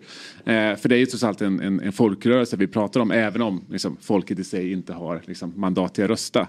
Eh, jag tycker det här, vi har pratat ganska mycket kring så här, men lite så här, debattklimatet inom fotbollen, eller bland fotbollssupportrar. Att det, det kan bli lite svårt ibland att ha typ av diskussioner för att man liksom egentligen slår ner på, på frågor innan den kommer upp till diskussion. Och jag tycker att exemplet med, med undersökningen där är, för jag tycker jag säga, dels de som står bakom undersökningen i Nordstat, det är ju några som de allra flesta, liksom, det är ett väldigt respekterat och oberoende institut som de flesta liksom, ja, oberoende undersökningar eh, använder sig utav. Jag tycker frågeställningarna är liksom inte vinklade på något sätt. Sen är det självklart så att när man släpper den här typen av undersökningar så gör man det för att man har fått ett resultat. Eh, och jag tycker även att man från eh, då, alltså fotbollsjournalister har inte riktigt kunnat det här med opinionsundersökningar. Att man säger att det är ett medie, eh, det mediebyrå som har tagit fram den här undersökningen. Så, nej, det är det inte. Det är ett liksom riktigt opinionsinstitut institut som, som har gjort det. Frågeställningen är korrekt. Det är en, liksom, urvalet eh, av människor är statistiskt säkerställt. Eh, de man sen har liksom valt att bryta ner det på är de här äh, fotbollsfantasterna. och det. Jag håller med om att det är så väldigt vinklade liksom, kategorier av människor. Men de bygger ändå på människor som vet vad VAR är. Och eh, utifrån alla de aspekterna så är det ju här, det är inte vinklade frågor, det är statistiskt säkerställt urval. Så jag tycker att säga, eh, äh, resultatet från undersökningen kan man inte liksom bara bortse från som att det är liksom en beställd Men det, eh, finns, vinklad nej, undersökning. men det finns en intressant grej. också. Visst är det så att om, om man eh, ställer frågor till folk som går på fotboll i Allsvenskan, eh, som är väldigt många, känner du dig säker? Då svarar Alltså jättemånga, alltså, är det uppåt 80-90 procent som säger så här, ja jag känner mig säker. Om man ställer frågan till de som inte går på allsvenska fotbollsmatcher, är det säkert att gå på svensk fotboll? Så är ju betydligt färre då som säger det, det är inte säkert. Och nu känns det som att de har gjort urvalet ganska mycket av de som inte går på de allsvenska matcherna. Och då är det väl såklart att man kanske får en annan, där det kanske är viktigt att hålla fast vid den publiken som finns och skapa någonting för de som redan är där. Så att inte de börjar tapp, falla av. Det har väl varit kanske den största liksom, faran runt, runt implementerandet utav VAR.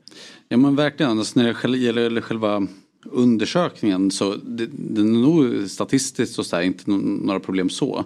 Eh, utan det är ju just kategorierna och det, man, det den här undersökningen inte gör det är ju att kolla på det man borde göra. Vad tycker de som tittar på regelbundet på allsvenskan? Vad tycker de om VAR? Och den kategorin, den finns inte med. Den har man inte ställt en, ens den frågan. Och jag menar, man behöver inte vara så himla konspiratorisk. Liksom. De kanske bara glömde den frågan. Alltså, då, de, helt ärligt så har de också haft den här typen av kategorier i tidigare undersökningar. Så det, det kanske liksom inte är helt konstigt. Sen, sen kan jag tycka att man, man borde nog ställa den frågan. Men det som jag vänder mig lite mot det är inte bara själva undersökningen. Det är liksom hela Reinfeldts, alltså redan innan den här undersökningen kom så pratade han om en liten grupp supportrar. Och där, jag har liksom en bakgrund att jobba inom politiken och det är sånt där som jag då blir lite orolig för. Jag har sett det här på andra håll att när du inte har den här majoriteten bakom dig då vill du gärna hitta andra som kanske håller med. Och där tycker jag att man ska vara lite försiktig. Jag tror att om, om Svenska fotbollsförbundet var verkligen mån om det vore ju jättebra om vi kunde få ett beslut om VAR som var demokratiskt förankrat. Ehm, och, och då kanske man ska vara med i podcasts och förklara hur man tänkt, hur man tänker kring urvalet och varför, varför har man inte frågat om vad de allsvenska supportrarna tycker. sådär. För nu är ju en, tre, en tredjedel av den här undersökningen är ju eh, fotbollsföräldrar. Och där har de inte tagit reda på hur många av fotbollsföräldrarna som kollar på allsvenskan. Det vi vet att de förmodligen kollar mycket på Sankt Erikscupen. Sådär. Men vi vet inte vad de, om de ser på allsvenskan. Men tidigare undersökningar så ligger den siffran på 10 procent. Så då har vi, en, har vi helt plötsligt en tredjedel av urvalet där 10 procent tittar på allsvenskan. Alltså min enkla tanke är väl att det är klart, det behöver inte bara vara klubbarnas ehm, liksom medlemmar eller föreningar, föreningens medlemmar som ska ta beslut om VAR. Men det kanske ändå ska vara de som bryr sig om allsvenskan.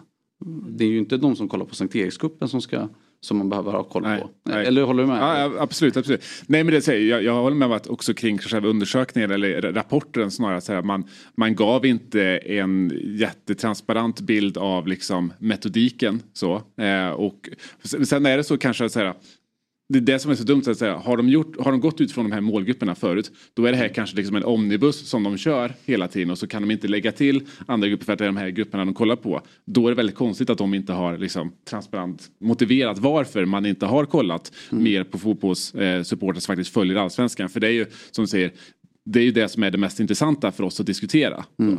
Sen så tycker jag att det också väcker en lite, såhär, ja, men lite filosofisk diskussion kring eh, demokrati som vi också har lyft här. Att säga, vad, hur, alltså, när går gränsen för liksom, ditt, eh, alltså, hur mycket intresse behöver du ha för att din åsikt ska räknas? Alltså, vi har pratat mycket om det när det gäller eh, demokrati inom föreningar. Att säga, är liksom, en röst hörd mer för någon som går på liksom, eh, årsmötena hela tiden än någon som inte gör det. Liksom. Eh, och samma sak här, så var drar vi gränsen i någonting som faktiskt är vår största folkrörelse? Behöver du vara liksom, någon som slaviskt följer allsvenskan?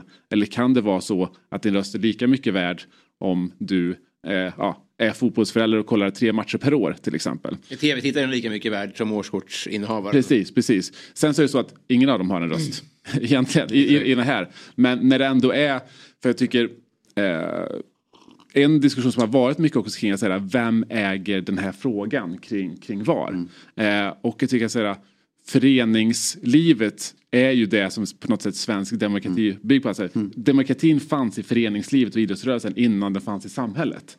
Eh, och att då nu börja så här, eh, och jag, jag ser inte att du gör det, så att debatten har varit där kring innan att så här, eh, ja men det är elitklubbarna som kommer påverkas av VAR, därför är det bara de som ska liksom eh, bestämma kring, kring VAR.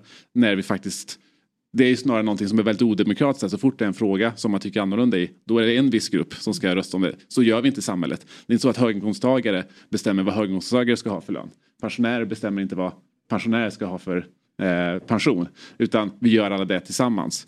Eh, och eh, då tycker jag ändå att så här, ska man välja, är det liksom eh, då tycker jag ändå att det, det liksom eh, vi vill såklart veta vad den, den trogna supporten tycker och tänker, självklart. Problemet Eh, men det här är inte en, en, en irrelevant att, att kolla på vad, vad allmänheten Problemet är väl att i de andra fallen så är vi alla med och bidrar in i det. I det här Absolut, fallet så är det absolut. några få klubbar som Mm. kommer behöva betala för det.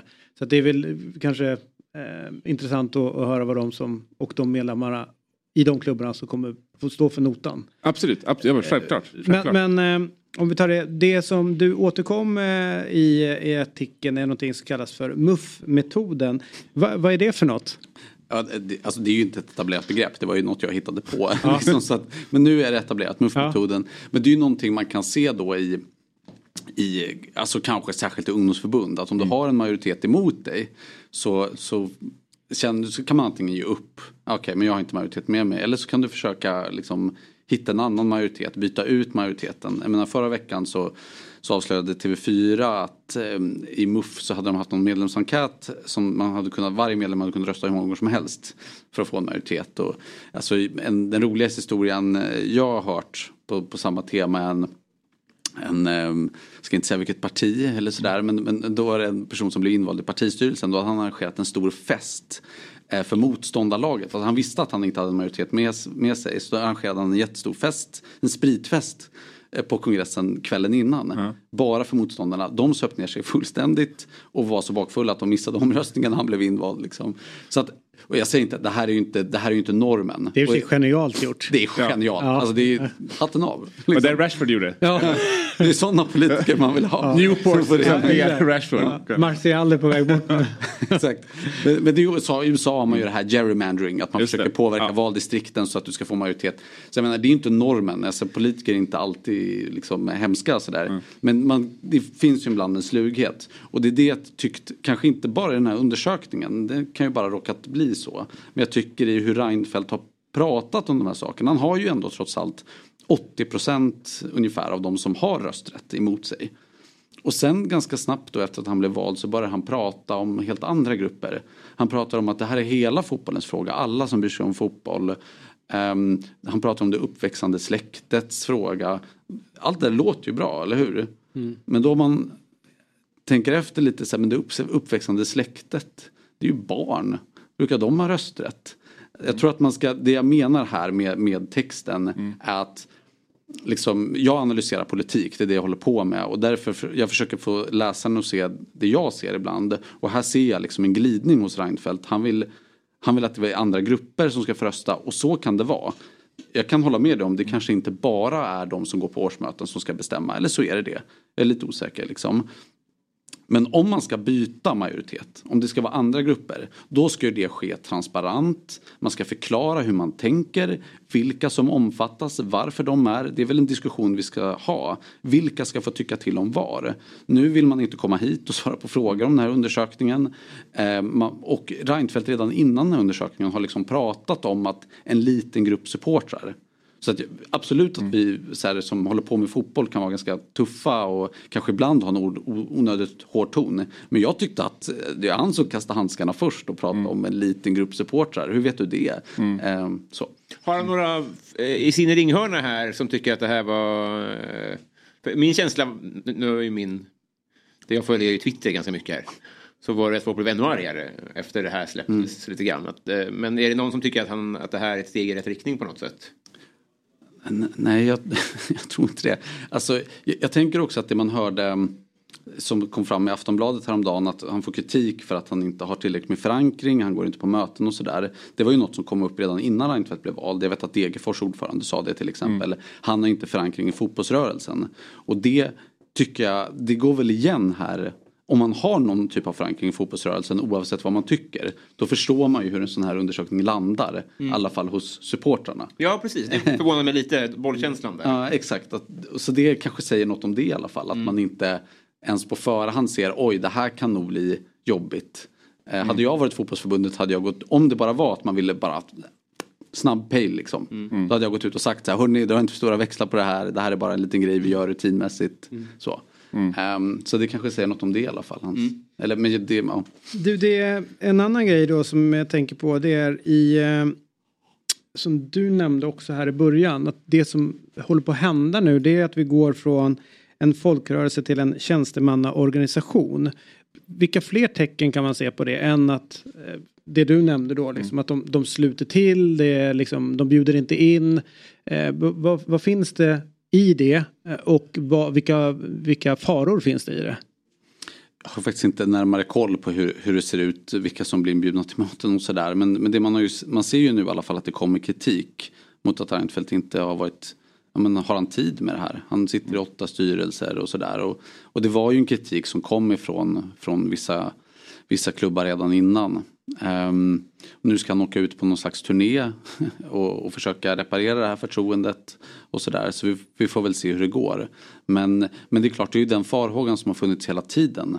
Är han en del av fotbollsrörelsen och nu får han redan kritik. Han hade ju kunnat överbevisa kritikerna genom att vara väldigt närvarande. Mm, Så verkar ju inte ha lyckats hittills i alla fall. Jag är för VAR. Men eh, vad ligger i hans vågskål? Varför är det så viktigt för den här frågan? Det känns som att det är så himla mycket att förlora. Alltså vad jag förstår så är väl att det är väldigt jobbigt eller pinsamt att komma in i den innersta kretsen i Uefa. Om du är eh, representerat land som inte har VAR när alla andra har det. Om man då skulle göra liksom karriären uppåt. Nu vet jag ju att Karl-Erik Nilsson är ju ett politiskt eh, djur så Ja. han klarar det Han har ganska bra. supit ner många motståndare Ja, inför omröstningar. För att komma in i den exekutiva kommittén där. Men, eh, men jag tror väl att eh, lång, på lång sikt så är det väl nästan omöjligt att kunna få en, en tyngre post inom, E- i Uefa om du inte har Det skulle jag nog tro. representeras rätt sida. Ja, ja exakt, exakt. Nej, jag tror jag nog. Sen så är det ju konstigt att man inte har flörtat med. För om vi liksom så här, går tillbaka till så här, var, var, vart ligger rösterna? Jag menar, nu har jag inte fördelningen exakt inför det beslutande organet kring VAR-frågan. Men där, där har ju eh, SEF är ju eh, ja, är det 15-20 procent av eh, rösterna. Någonting, jag, jag drar ur, ur bara eh, minnet nu. Men sen så har ju liksom distrikten är ju en, en väldigt stor del där. Och där, eh, det, det är ju mycket mer liksom, så här, tjänstemanna. För där, alltså, väl, valen att välja till distrikten som sen tar beslutet är ju väldigt långt från liksom jag som är medlem i den lilla klubben. Så. Eh, och då är det konstigt att man inte är mer ute där och, och eh, eh, propagerar för, eh, för de här frågorna om, man, om det är det nu man vill, vill få igenom. Eh, sen kan man också argumentera för att så en sån här undersökning där man kanske kollar på vad, vad fotbollsföräldern tycker. Ja, men det, det är kanske fotbollsvänner är kanske en viktig del av liksom också de här små klubbarna som de här distrikten ändå utgörs av eh, framåt. Får jag, bara, eh, eh, jag, jag, jag kan det här så dåligt. De som har valt Reinfeldt, demokratiskt eh, röstat fram honom. Är det samma underlag som potentiellt skulle rösta om en sån här sak? Nej, alltså grejen är att det är inte riktigt så utan det, det pratas ju fortfarande om var någonstans beslutet ska tas om att implementera VAR Mm. i svensk fotboll.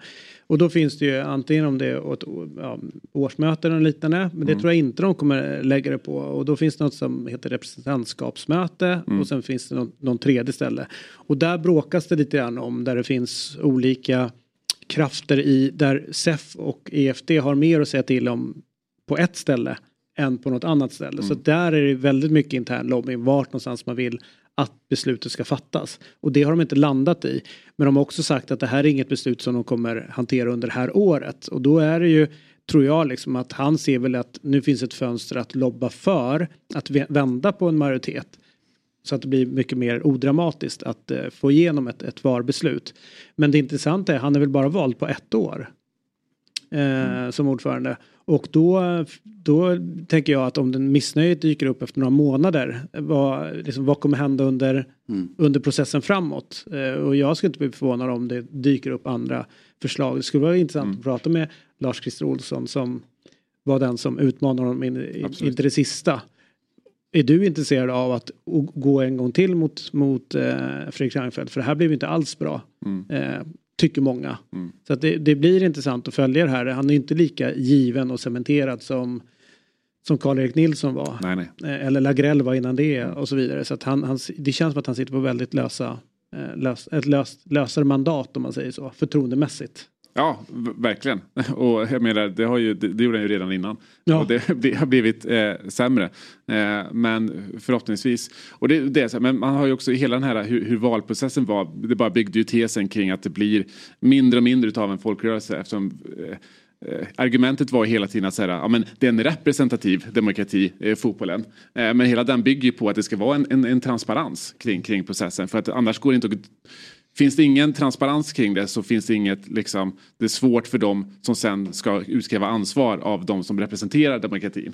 Eh, och det blir, jag hoppas att man verkar ha lärt sig eh, läxorna där inför, inför nästkommande val. Här.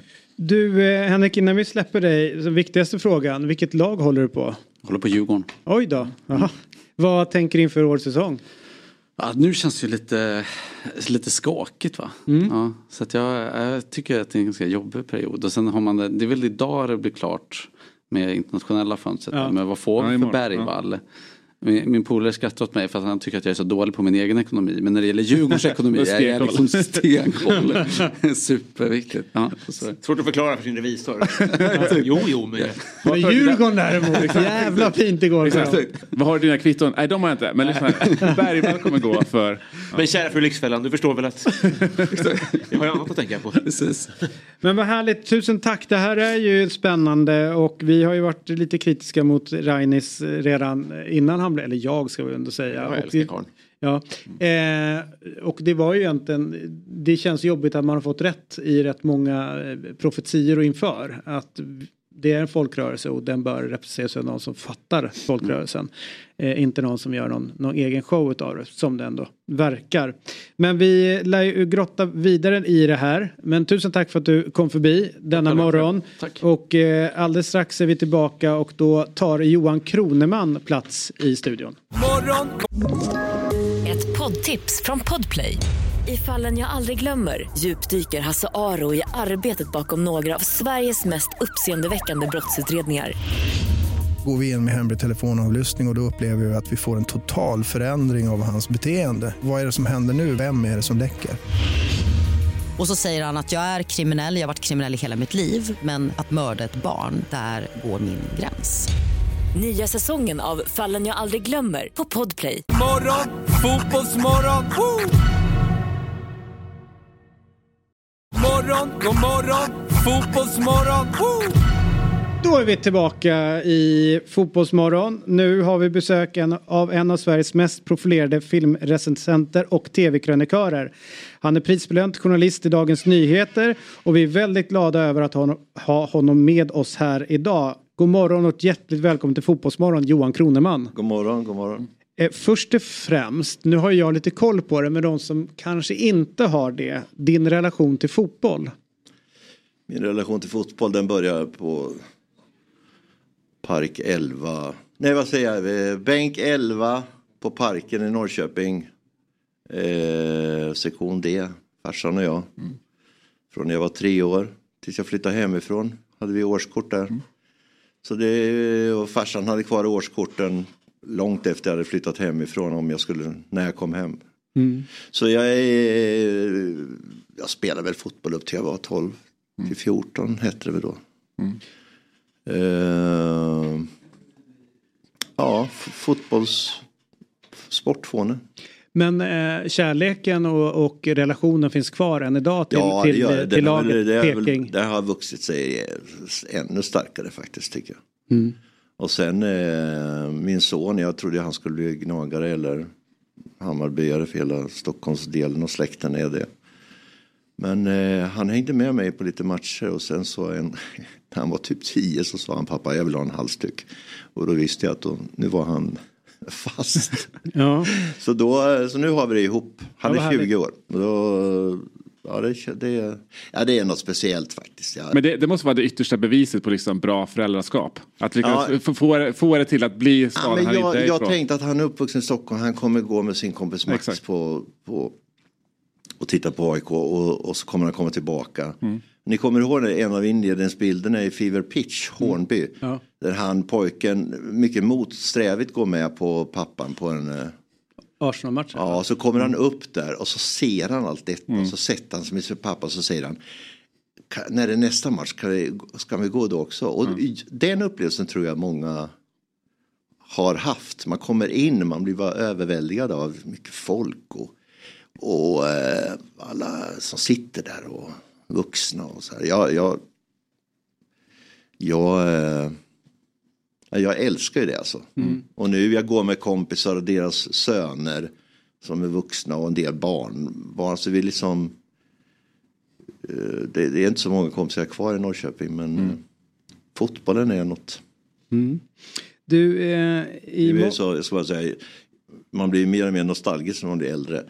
Ja, och framförallt även om man flyttar ifrån något. Jag kommer ihåg när jag bodde utomlands. Man har aldrig varit så svensk och, och pratat om falukorvar och grejer Ja. som när man bor utomlands. Så kommer man hem, falukorv, vad fan är det egentligen? inte äter den dagen. Nej, exakt, nej. Ja, men, att det, ja men det släpper ju inte när man, men eh, ja. Nej men det är något, jag tycker synd om de som inte har något lag måste jag säga. Mm. Så. Du, i måndag skrev du en hyllande krönika om Arne Hägerfors. Eh, vad skulle du säga att han har betytt för svensk sport-tv? Alltså det, han, han, han är ju dominant i en tid då vi, näst, då vi har en, en, ett monopol. Ja. Alltså på den tiden när han var, de blev ju tv-stjärnor på ett helt annat sätt än vad man blir idag. Eh, fram till 80, 85 får vi, köper väl, eller 87 köper väl TV3 hockeyrättigheterna. Och sen eh, TV4 någon gång i början på 90-talet. Så att det, eh, Alltså det var ju, det får säga så här, omständigheterna var en förutsättning för att man skulle få upp en sån där. Många av dem kom ifrån radiosporten och sen in på tv-sporten och sen blev de underhållare. Mm. Så, för de var ju väldigt, de var duktiga i direktsändning och ja. Han har, han har väl betytt otroligt mycket, alltså den där texten så det gick väldigt fort va. Så jag hade nog, han inte riktigt tänka efter hur, eh, alltså vad jag hade för starka minnen av honom. Men, men hans, hans, eh, hans engagemang och, och alltså han var ju väldigt folklig. Alltså folk gillar ju Arne och Ankan. Och, och, och eh, ja men, alltså jag kan inte komma ihåg att jag satt och tyckte att Arne Hägerfors var svinbra. Det tyckte jag nog inte. Alltså, eh, på 80-talet så när man satt så på fotboll då t- satte man ju alltid på radion. Alltså, hade, man hade radioljudet på och sen hade man ja, tv-bilden. Är det inte så att många eh, som man eh, som sitter år ut och år in till slut så eh, resignerar man nästan som Ja, tittare. ja. Man, okay, men nu, nu är han eller hon bra. Alltså, Ja, eller jo, bra. så- man, man landar precis. någonstans Ja, i, men- i den relationen på något sätt. Ja, men jag menar vi som var riktiga fotbollsfreaks alltså, hade ju väldigt svårt för Bosse Hansson till exempel. Alltså efter... Och jag kommer ihåg vi var nere i Danmark och träffade danska polare. Och de, de satte på svensk tv som tyckte att det var eländigt att höra danska kommentatorer. Mm. Och, och, och, och sen så blev Bosse Hansson någon slags kultfigur nästan. Mm. Eh, ja, jag kommer ihåg att Mats Olsson och Janne Gradvall, de tyckte alltid att Bosse Hansson var helt otrolig och sådär. Ja. Han, han hade någon förmåga där. Fast när jag lyssnar tillbaka på liksom, gamla Hägerfors liksom, kommenteringar som jag var för ung för att ha upplevt. Så känns det som att jag var där live på något sätt. Han hade liksom den här tidlösa. Jo, liksom, ja. att, såhär, det känns som att jag kommer ihåg det fast att jag liksom aldrig såg det. på något sätt. Väldigt tidlös och liksom. Eh, man har ju pratat så mycket kring hans liksom, timing och allting. Han var, han var ju den bästa men ändå liksom gjorde det på ett väldigt svenskt sätt. Liksom. Ja. Tar du sett den bästa kommentatorn idag, så här, Pete Drury. Liksom. Två vitt skilda liksom, eh, stilar egentligen. Ja. Men, men på samma sätt lika, lika genialt på något sätt. Men det kanske är den där eh, att de bottnar i någon slags eh, folklighet ändå. Ja. Och han med sina vitsar och Jag tror också att man var lite mer, eh, de fick vara sig själva mer också då. Ja, det tror jag. Eh, nu är det ju, jag vet inte hur många människor det är som ska lägga sig i någonting som man ska göra och Mm. folk som kommer från någon tidning som aldrig har gjort, eh, varit i närheten av men har ändå tydliga, så här ska du göra och Ja, man kan få ja. samtal mitt i alltihopa och då blir ju folk nästan att man, man, man kan inte hålla fast vid det man en gång fick jobbet på Nej. för att göra utan de vill sen stöpa om alla till någonting annat Ja, än vad de är ja, det från början. det är och då blir det en osäkerhet på, på så många olika håll och kanter. Ja. Eh, Medan de fick ju verkligen vara, de fick ju leka de första åren. Hitta sig Ja, själva ja. och göra sin, sin grej. Och de fick också tid på sig att hitta, ja de, exakt vad du säger, de fick hitta sin stil. Mm. Och sen eh, så, så kunde man, eh, så, när man, när man, ja när man har en stil, efter, och det tar ganska många år att skaffa sig, då kan man liksom vila i den rätt Mm. mycket. Och det tror jag de gjorde. Alltså, eh, så att det, är ja, det är viktigt att komma ihåg. Eh, men sen tror jag också att det fanns en, en annan eh, Less is more var nog mer eh, Mm. en regel på den tiden. Du kan ju, ja men du hör den gamla sortens eh, kommentatorer, då är ju, eh, de pratar ju inte sönder grejerna. Nej. Men eh, det har blivit mer och mer radioreferat av tv-kommentatorerna. Mm. Så, som inte låter oss, alltså, Du, vi, eh, ja. vi har pratat lite grann här eh, om expertrollerna där det finns mer att kräva Mm. och önska eh, ganska mycket. Eh, fler och fler exidrottare börjar jobba med tv idag och man kanske bara plockar in ett namn. Men om man ska vara riktigt ärlig så är de största som har blivit bra experter kanske inte har varit de största namnen när de själv Nej. utövar det. Nej. Utan de har liksom, men ta Claes Hellgren, fanns ju Ja. större än honom men kanske är den absolut liksom, bästa experten som är där. Martin Frändesjö är jättebra, var Ja, inte heller det verkligen. störst, största namnet under tiden han var Mm. Aktiv och sådär. Tal längdskidåkning så är det Anders Blomqvist, ja, men han var ju långt ifrån den bästa Ja. men är absolut den bästa. Så, vad, vad tycker du eh, saknas i, i, hos experterna när du sitter och kollar på, på Ja, men det, jag tycker faktiskt, det är nog som du säger, att det är, det är ett litet redaktionellt problem. Att man ska lyfta in, eh, man, man, man tar nästan för givet att de här eh, fotbollskillarna, de kan fotboll bäst. Och i vissa fall är det sant. Jag tycker att Lagerbäck är eh, intressant att lyssna på. Eh, Och jag kan tycka att, eh, att bland spelare och att jag tycker Fredrik Ljungberg säger en del smarta saker. Men nej. Det blir någon garant är det ju inte. Någon garanti för att man har, man har spelat fotboll. Utan, men jag, jag tycker... Nej men jag... jag det, alltså det är lite dålig redaktionell koll på det där tycker jag. Och så har vi, vi måste ha några populära namn i rutan. Nej, det vet jag inte om. Man behöver, behöver väldigt bra folk i rutan. Ja, nej, precis. För det blir som att säga, ska du liksom som, som alltså, drömvärld, då ska du ha liksom, dels någon som har spelat fotboll. Eh, du ska gärna ha någon som har spelat fotboll i de största klubbarna för det är de som är med som man täcker från, från studion. Eh, du ska kunna väldigt mycket om alla andra klubbar också. Du ska kunna väldigt mycket fotboll. Du ska vara väldigt pedagogisk och du ska vara bra på att prata. Alla de fem kriterierna är väldigt svårt att hitta i svenska fotbollsspelare idag. Du kan Mm. hitta kanske någon enstaka. Medan i England, ja, där har en hel uppsjö av dem. Så därför tycker vi att de är bättre. Och kollar vi på andra sporter i Sverige som är ja, större, typ handbollen till exempel. Det är mycket enklare att hitta de fem kriterierna. Där är experterna också tenderar att vara lite bättre. Så frågan är om vi liksom i fotbollen ska utgå från de här fem kriterierna som man kan göra i England. Eller om vi ska titta lite mer åt kanske då, alltså kanske supporterperspektivet eller åt supporterhållet. Ja, ja. Liksom, för att hitta dem där. Eller ska vi gå, ska, ska vi envisas med att försöka hitta de här gamla storspelarna och bygga på, på det? Ja, jag skulle nog hellre pröva att kanske gå åt, åt eh, det hållet då. Mm. Att, eh, jag tycker ofta, ja, men supportrepresentanter och så vidare kan vara intressant att lyssna, Mm. lyssna på.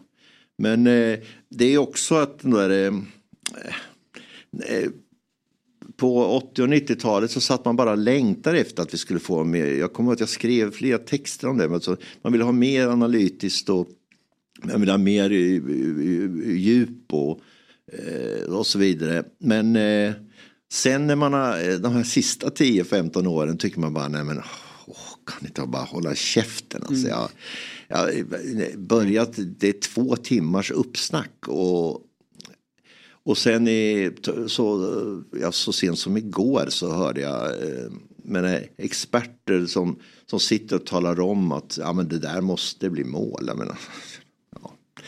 Nej, eh, alltså det finns en slags... Eh, ja, det är klart att de har, det, finns, det, det föder någon slags eh, experter som, som säger sig och tror ha alla svar på allting. Varenda, varenda jävla bolltapp. Jag menar, det, är fot, det är ju fotboll. Liksom. Det, blir så nu när sporten utvecklas. Det kräver ju annat av experter. Alltså nu lägger man ju nästan lika mycket tid att prata om domslut. Och liksom hur ska man tolka det här när man får se då. Ja, oerhört mycket. Exakt, och då blir, då blir det liksom nästan så här. Då har du spelarna där som inte kan det alls. Och det utgör nu nästan liksom ja, hälften av tiden att prata. Då får man liksom börja tänka om att säga, men nu behöver det annan form av liksom expertis kanske. Det är kanske snarare så att tänka liksom gamla storspelare ska alltid vara med domare. Ja men varför skulle jag skulle bara säga, men varför kan eh, engelska fotbollsspelare, de har ju inte ens en, de kan ju sitta där, Gary Lineker och eh, två stycken till, Ian Wright och några till. Mm, De har ju inte ens någon eh, sportjournalist där, utan, men det, är, det blir skitbra ändå. Men, Mm. Också kanske en bättre redaktionellt som du var inne på. Jo, men jag det är tror- bakom där. Ja, men man känner ibland inte, man tänker så här som journalist tänker man, hur fan har de tänkt här? Alltså, eller hur tänker de om den här, eh, vad, vad, vad ska han ge oss eh, tittare? Och, eh, vilken, och så kan man se liksom vilka, ja, vilken roll ska han i, fylla och så vidare. Ib- Ibland så tror jag att det verkar lite risigt genomtänkt tycker jag. Du, ehm, vi ska gå över lite grann på eh, sport i tv också, mer om så. Och där sitter ju du på DN och skriver om det. Och jag, jag kan väl säga att när man är inne och står i rutan så kan man bli irriterad på, på omdömen och sådär. Och jag, Absolut. och, och jag tror att eh, en egen reflektion jag har nu så kan eh, man eh, kanske vara lite så att eh, känslig för eh, omdömen. Eh, lite överkant när man väl är, är där. Kanske lite för mycket strålkastarljus på en när man, eh, när man är Ja. inne i den världen. Eh, Ja. och ibland också så är du ju väldigt hård i dina omdömen som du skriver om eh, till, till, till de som du bedömer. Ja. Hur, hur gör du den avvägningen? För jag vet ju till exempel att om du skrev någonting taskigt eller hårt så åkte ju liksom mailkorgen igång liksom. Och då var det ju liksom, ja men ut ur landet och din, din, alltså det, då kommer hela rasse, rassesvansen. Så då kopplar man ihop dåligt omdöme där och så kommer de här på. Så att då blev det dubbel effekt någonstans. Men tänker du någon gång på att eh, de eh, som står i rutan kanske blir ledsna utav ganska hårda ord från dig? Eller ska man ta det? Ah, både och. Jag, det är klart jag förstår folk. Eh, alltså jag, jag, jag får ju väldigt mycket kritik också. Eh, Eh, och ganska hårda omdömen om mitt jobb också. Så jag tror att på något sätt, det, jag förstår det här med tv är ju sån, man blir otroligt utlämnad och Problem tycker jag att det, det finns lite för få eh, tv-kritiker till exempel. Eller folk som skriver om sport-tv. Och, och, jag menar Olof Lund har ondgjort sig över det där någon gång. Att det, och sen kommer Leifby och Kroneman och, och slaktar skiten. Eh, men eh, jag skulle gärna se att det fanns fler, att det fanns fler röster då. Och då skulle kanske inte ett hårt omdöme eh, bli så betydelsefullt. Eh, men jag, jag, jag, jo, jag, det, det, jag, jag kan vara rätt tuff. Men det beror också på att jag gärna vill vara tydlig. Alltså, Eh, och, och, och sen har jag, jag har lite den rollen så att jag, ibland kan jag tycka att det, ja, men det, när, när jag träffar folk, jag, jag skrev om Aktuellt, eh, jag, jag var rätt tuff mot Aktuellt häromdagen och, och det, givetvis när jag kom in på, på ICA-aptiten på så, så kom ju en medarbetare från, från SVT Nyheter gående där alltså. Och vi stannade ju och pratade lite. Jag har aldrig träffat honom förut. Eh, så så ehm, men vad var vi? Ja, om du Ja, ja, ja. men eh, jag, tänk, jag tänker aldrig de banorna. Alltså jag kanske, jag har ju jättebra redaktör och redaktör på DN och de kan ju säga så här, "Kan- det här kanske, det här tycker jag du ska ta ner liksom. Det, du har inte riktigt, eh, finns inte riktigt eh, ja, på fötterna för det här eller här och så vidare. Men eh, jag har ju fått eh, otroligt mycket mejl av medarbetare och som känns sig ledsna och, och har du lust att ta en lunch så kan du berätta för mig mer. Men eh, Jo, jag skulle säga det. Alltså, jag ser det mer ibland som, en, som ett spel. Eh, är man eh, är så exponerad i tv och har så mycket ljus på sig. Då kan jag tycka som du att då får man, ja, det, det, man får tåla rätt mycket av det. Mm. Sen att man får en sån där, eh, alltså man får liksom en eh, politiska eller eh, rasistiska, en massa grisar över sig. Det vill man ju inte medverka till på något sätt.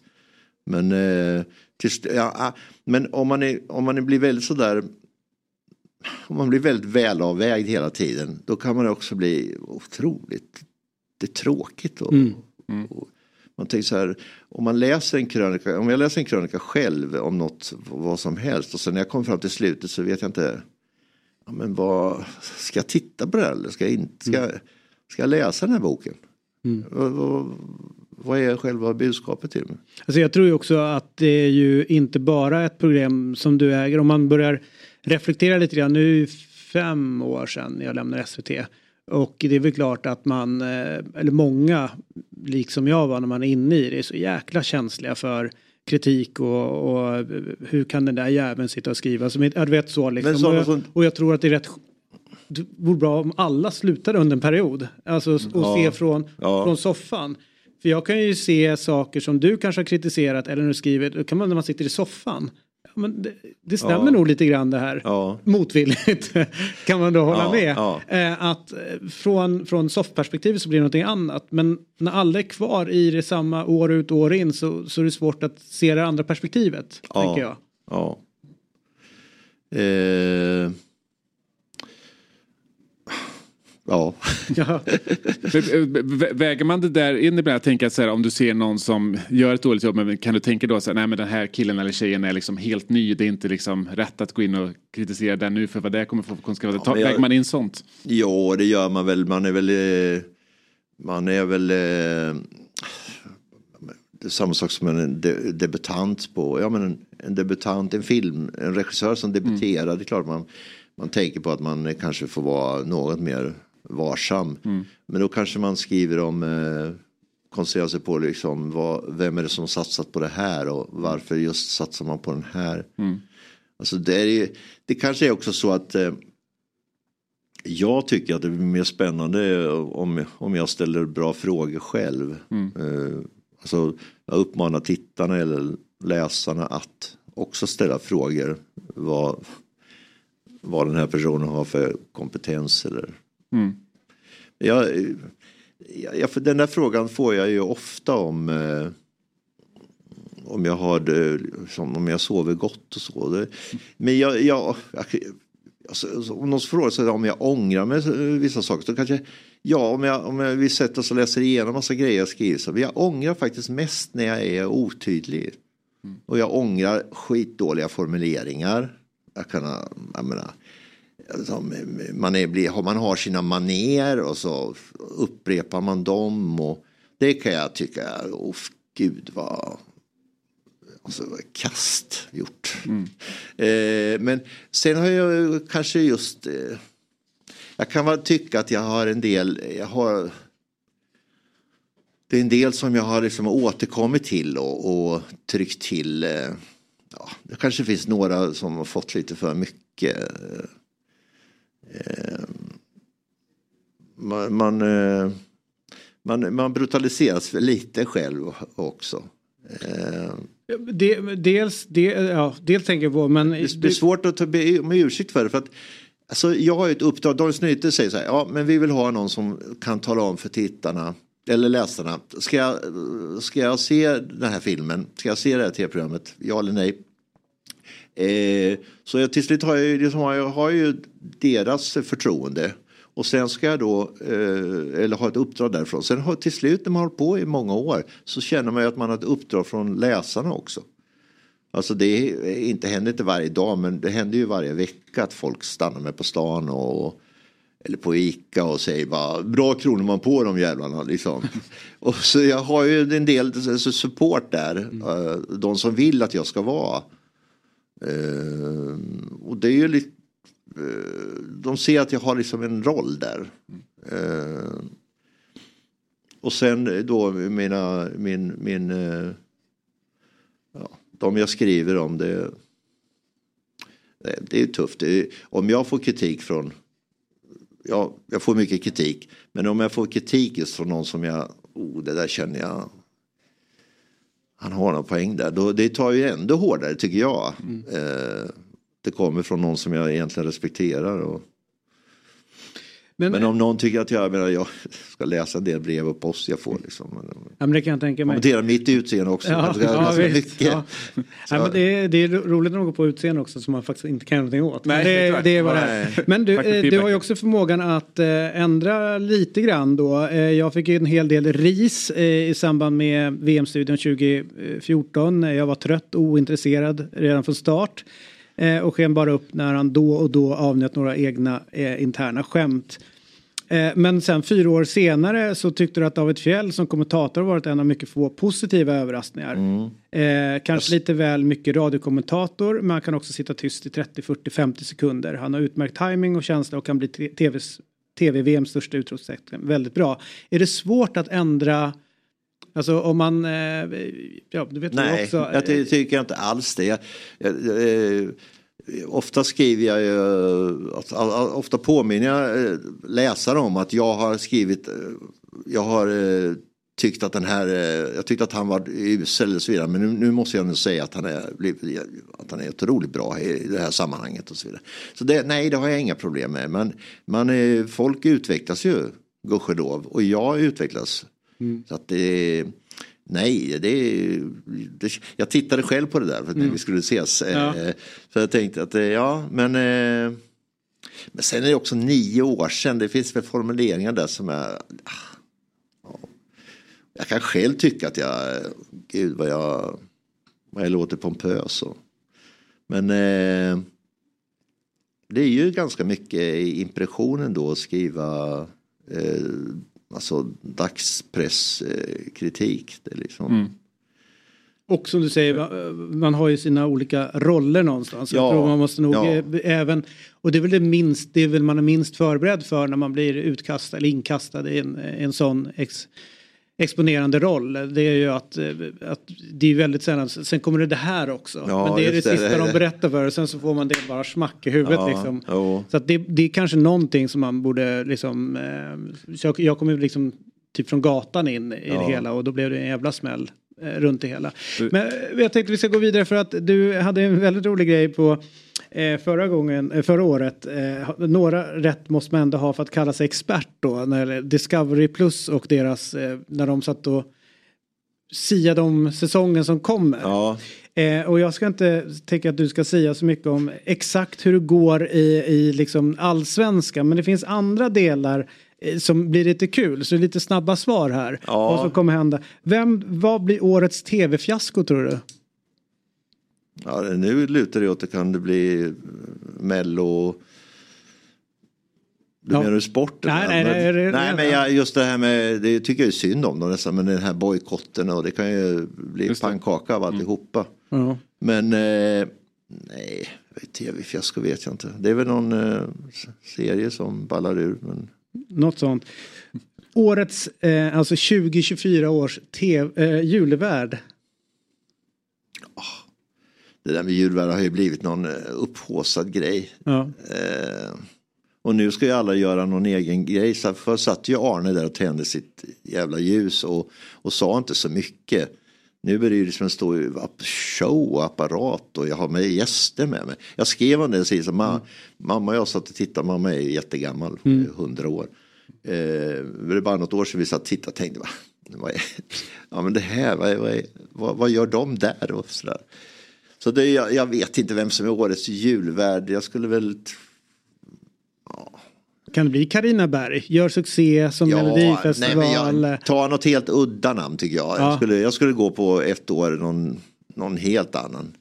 Hanna Stjärne kliver ner och sätter sig. Ja, där. nej, hon är för tråkig. Ja, men det kanske blir helt rätt enligt Ja, nej, Arne-devisen. hon är för tråkig. Men däremot sen... Eh, men, ja, skulle ta vad som helst. Jag kan tänka mig en eh, biskop eller en eh, filosof. Eller, Det hade varit eh, spännande. någon som kunde berätta om julens, vad vi, varför vi firar jul och så. Alltså Mm. mer, mer traditionellt. Mm. Tillbaka till, Ja, till grunderna. Det var ja, ja, ja, vem kommer få sitt stora tv-genombrott i år? Fy fan vilka frågor, förlåt. Eh, genombrott. eh. Ja, men det är säkert någon av de här unga komikerna. Mm. Robin Berglund som gick nu kanske. Ja. Han kommer få sitt stora genombrott i år. Ja, men jag tror faktiskt på det. Det, det, det, det finns en rad eh, unga begåvningar. Nu kommer inte jag ihåg vad han heter den där snubben som är. Som jag tittar ganska mycket på. Han kan vara 25 eller något sånt där. Alltså, eh, de har mycket, de har, eh, många unga komiker har, de har driv eh, på något sätt. Finns Eh. en som heter Fredrik Andersson, han är inte jätteung Ja. men han är jäkligt rolig. Ja, Han tror jag ja. kommer få en, Ja. han kommer ta kliv. All right, vem tar över landslaget? Nej, Jag är rädd för att det blir eh, både hängslen och, och livrem på. Vem var det som senast var? Jens Gustafsson. Ja, Jens Gustafsson. Din gamla manager. Ja, han var ju, han var ju säkert duktig. Han är ju han är ju gammal psykologutbildad. Mm. Och han, ja, men han är nog väldigt bra med spelare och så vidare. Kanske passar bra som... Men det blir alltid något, eh, tycker jag, överraskande. Men jag, jag, ska, jag menar, det var de Håkan Eriksson var uppe och... Nej, jag, jag tyckte det var det en tråkigare. Tony. Gustafsson. Nej, nej. De passar ju bättre som julvärd än förbundskapten. Ja, faktiskt. Men, Tony Gustafsson som julvärd, Alltså, det vore något. Jag hade inte sagt nej. Nej, det hade varit. Han och Pia Sundhage. Ja, det hade varit. Mia Nordalen kommer som gäst. Men jag tänkte så där, ehm, man, man kan inte få någon av de här så, drömnamnen då för att de är för dyra och så vidare. Men alltså, våga, det pratas så här, ja han har internationell erfarenhet. Ja, men, titta nu inte på det utan titta på den som vå, våga lite. Vi, vi kom ju på här i, eh, igår tror jag var, när Fredrik Gustafsson, Augustin, artisten var här. Eh, Att eh, då hade han satt upp eh, sitt favorittränarpar i Gais genom åren. Då var det ju då Alexander Axén tillsammans med Fredrik Holmberg, Just alltså nuvarande Mm. tränaren då.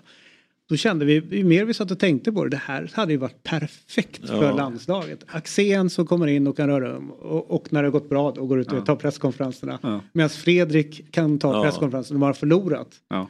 Eh, men han, och Fredrik har ju ändå då nya moderna Mm. sättet att spela fotboll medan Axén då kanske har ledarskapet sådär. Men, det, det, men vi pratar väldigt mycket om det när vi ska ha en förbundskapten. Liksom, ja, ofta vi utgår hur, hur ska han hantera media? Mm. Det är det nästan som är huvudkriteriet för eh, och Och jag kommer ihåg när eh, Janne eh, Andersson tillträdde. Det var så otroligt skönt för han var, han var, han var första perioden, han var ju expert på tycker jag, att ha media. Mm. Han var jätteduktig på det. Men det är kanske inte ändå där det fokus ska ligga. Nej. Utan eh, vi vill ha någon som vinner och, och som vinner eh, kval. Alltså Lasse Lagerbäck hade ju aldrig blivit förbundskapten om han inte hade varit inne och Tommy Svensson hade lyft upp honom som... Nej. Det, det har ju inte ens varit på tapeten. Nej, nej. Men blev ganska bra utav Ja, det blev det ju. Nu eh, saknar man ju eh, den typen av eh, förbundskapten. Mm. Men jag, jag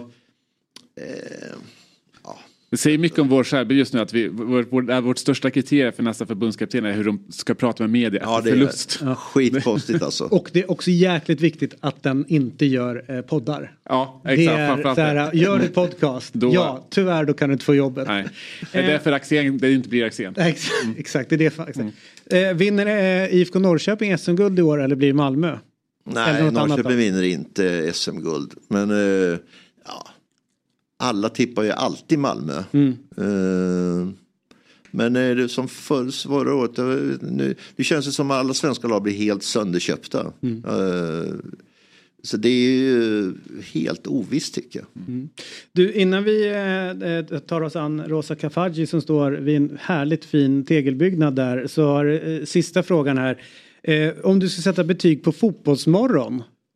Eh, vad, vad tycker du om det? jag tycker att eh, ni är eh, väldigt bra. Alltså, jag tycker många av de här eh, fotbollspoddarna, eh, en hel del är, är väldigt, väldigt bra.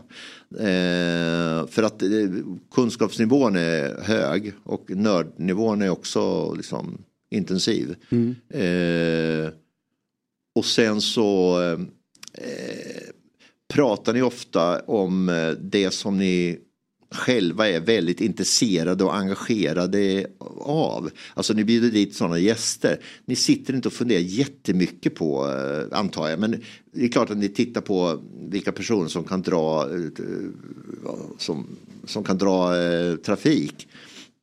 Men eh, eh, att, skulle ni släppa det helt och hållet och, och bara gå på de kriterierna då tror jag liksom att det skulle... Oh. Mm. Så det är en balansgång där. Eh, blir ni för stora så kanske det finns en charm i det där också. Ja. Att ni, ni bara, ni, studion här och så kör vi. Och, och, eh, och det är liksom intresset som är drivet. Eh, och ni vet att de som lyssnar in har stort intresse. Eh, jag tycker det, det, är det som gör ofta tv, de här stora tv-sändningarna, otroligt tråkiga. Mm. Det är inget utanför eh, ramarna. Nej. Jag tror beskrivningen av dig där från 2014 passar ju bra också för fotbollsmorgon. Hur det är. Du säger alltid hur trött du är. Eh, du går igång på dina egna interna Ja, skämt. Men du är inte ointresserad. Nej. Du är snarare för intresserad. Ja, det är den enda skillnaden. Men mina egna skämt är fan de bästa. Ja, ja, det är de bästa. Ja, vi, eh, om du sitter gärna kvar. Ja, vi har lite kvar. hörlurar där om du vill höra All right. också. Det här är ju, får vi säga, och nu på riktigt en favorit till Fotbollsmorgon. Och det här är Sveriges kommande storstjärna. Utan det, tvekan. Utan tvekan. Hon kommer erövra världen. För så jävla bra är hon. Har Eh, erövrat. Ja, alltså, men ännu mer. Ja. Alltså hon kommer göra kaos i England om hon går dit eller vad det nu är. Hon, hon eh, är ju hur bra som helst. Mm. Eh, och kommer bära Sveriges landslag på sina axlar om bara något år. Vi säger grattis till avancemanget i Champions League, Rosa Kafaji. Tack snälla eh, och tack för de fina orden. Ja, men det är, eh, först måste vi bara stanna till vid målet. Det, är ju, det var inget snack om att du skulle vara först på den här bollen eh, och bara tryckte in den. Eh, nej, du har helt rätt. Jag var faktiskt väldigt eh, beslutsam att eh, få göra mål den här matchen. Det, det, var, alltså, det var ett oerhört snyggt mål. Vi var inne på det förut. Eh, förmo- Kanske ett, liksom, det snyggaste ni gjort i, i gruppspelet nu. Och det, det var en liten variant. där. Var det någonting som liksom, eh, när tränat på, på liksom, bara haft sen innan i bagaget eller var det någonting som ni förberedde just för, för den här matchen under veckan? Alltså vet du vad det sjuka är? Att vi, vi freestylade. Vi kom upp med någonting och så blev det bra. Men grejen är att vi, när, det är bra spelare så blir det bra ändå. Ja, det gör målet 20% snyggare. Exakt. Men det krävs ju, jag, jag tycker jag såg det också, det krävs ju mod. Och det, det, det beundrar jag. Alltså det, man måste vara modig i, i straffområdet. Och, 100 procent. ja, det beundrar jag mycket. Ja, verkligen. Du, eh, det var ju många som när lottningen föll och säger så här, men det här är kört för BK Häcken. Ni kommer kanske få en bra erfarenhet att möta de här storlagen. Hur har det varit att ställas mot Chelsea och Paris och, Real Madrid som har de här världsstjärnorna och hur känner du att du liksom i relation till dem, hur din nivå är? Nej, men jag skulle säga att som du säger, det är storstjärnor och det är bra lag. Ehm, de spelar väldigt bra fotboll. Ehm, men det är riktigt kul att kunna se liksom vart, vart man är på individnivå men också som, som lag och se, alltså så här, kunna mäta lite grann. Ja, det är väldigt, väldigt kul. Finns det någon i, i, som du har mött som har, eh, du har varit så här, Uff, den här eh, spelaren är bra. Det, det, det kommer krävas mer utav mig för att jag ska upp på den nivån. Faktiskt så var det några, ett, ett par stycken faktiskt. Så att eh, det, det är många som jobbar hårt. Du, eh, eh, nu är det kvartsfinal eh, och det är Barcelona, Benfica, Lyon, Brann, PSG, Ajax och Chelsea då eh, utöver i Häcken. Hur, eh, finns det någon drömlottning du har eller hur, ser, hur tänker du? Alltså, man hade velat möta ett, ett topplag fast samtidigt ändå inte. Eh, det hade varit kul bara för, det, bara för att kunna uppleva det eh, och kunna möta ett topplag med Häcken. Eh, men nej, inget, inget speciellt så. Vi hade ju tränaren med oss i måndags, Mark Lind, och han pratade om att ni har liksom anpassat sättet att spela lite grann till, eh, till livet i Champions League. Har det varit svårt att eh, helt plötsligt förlika sig med tanken att inte ha lika mycket boll? Hur har det varit för dig? Ja, lite, alltså lite svårt faktiskt eftersom att jag inte är en eh, en försvarsspelare på det sättet. Klart jag är med försvaret men, men det är offensiv man hellre vill, vill göra.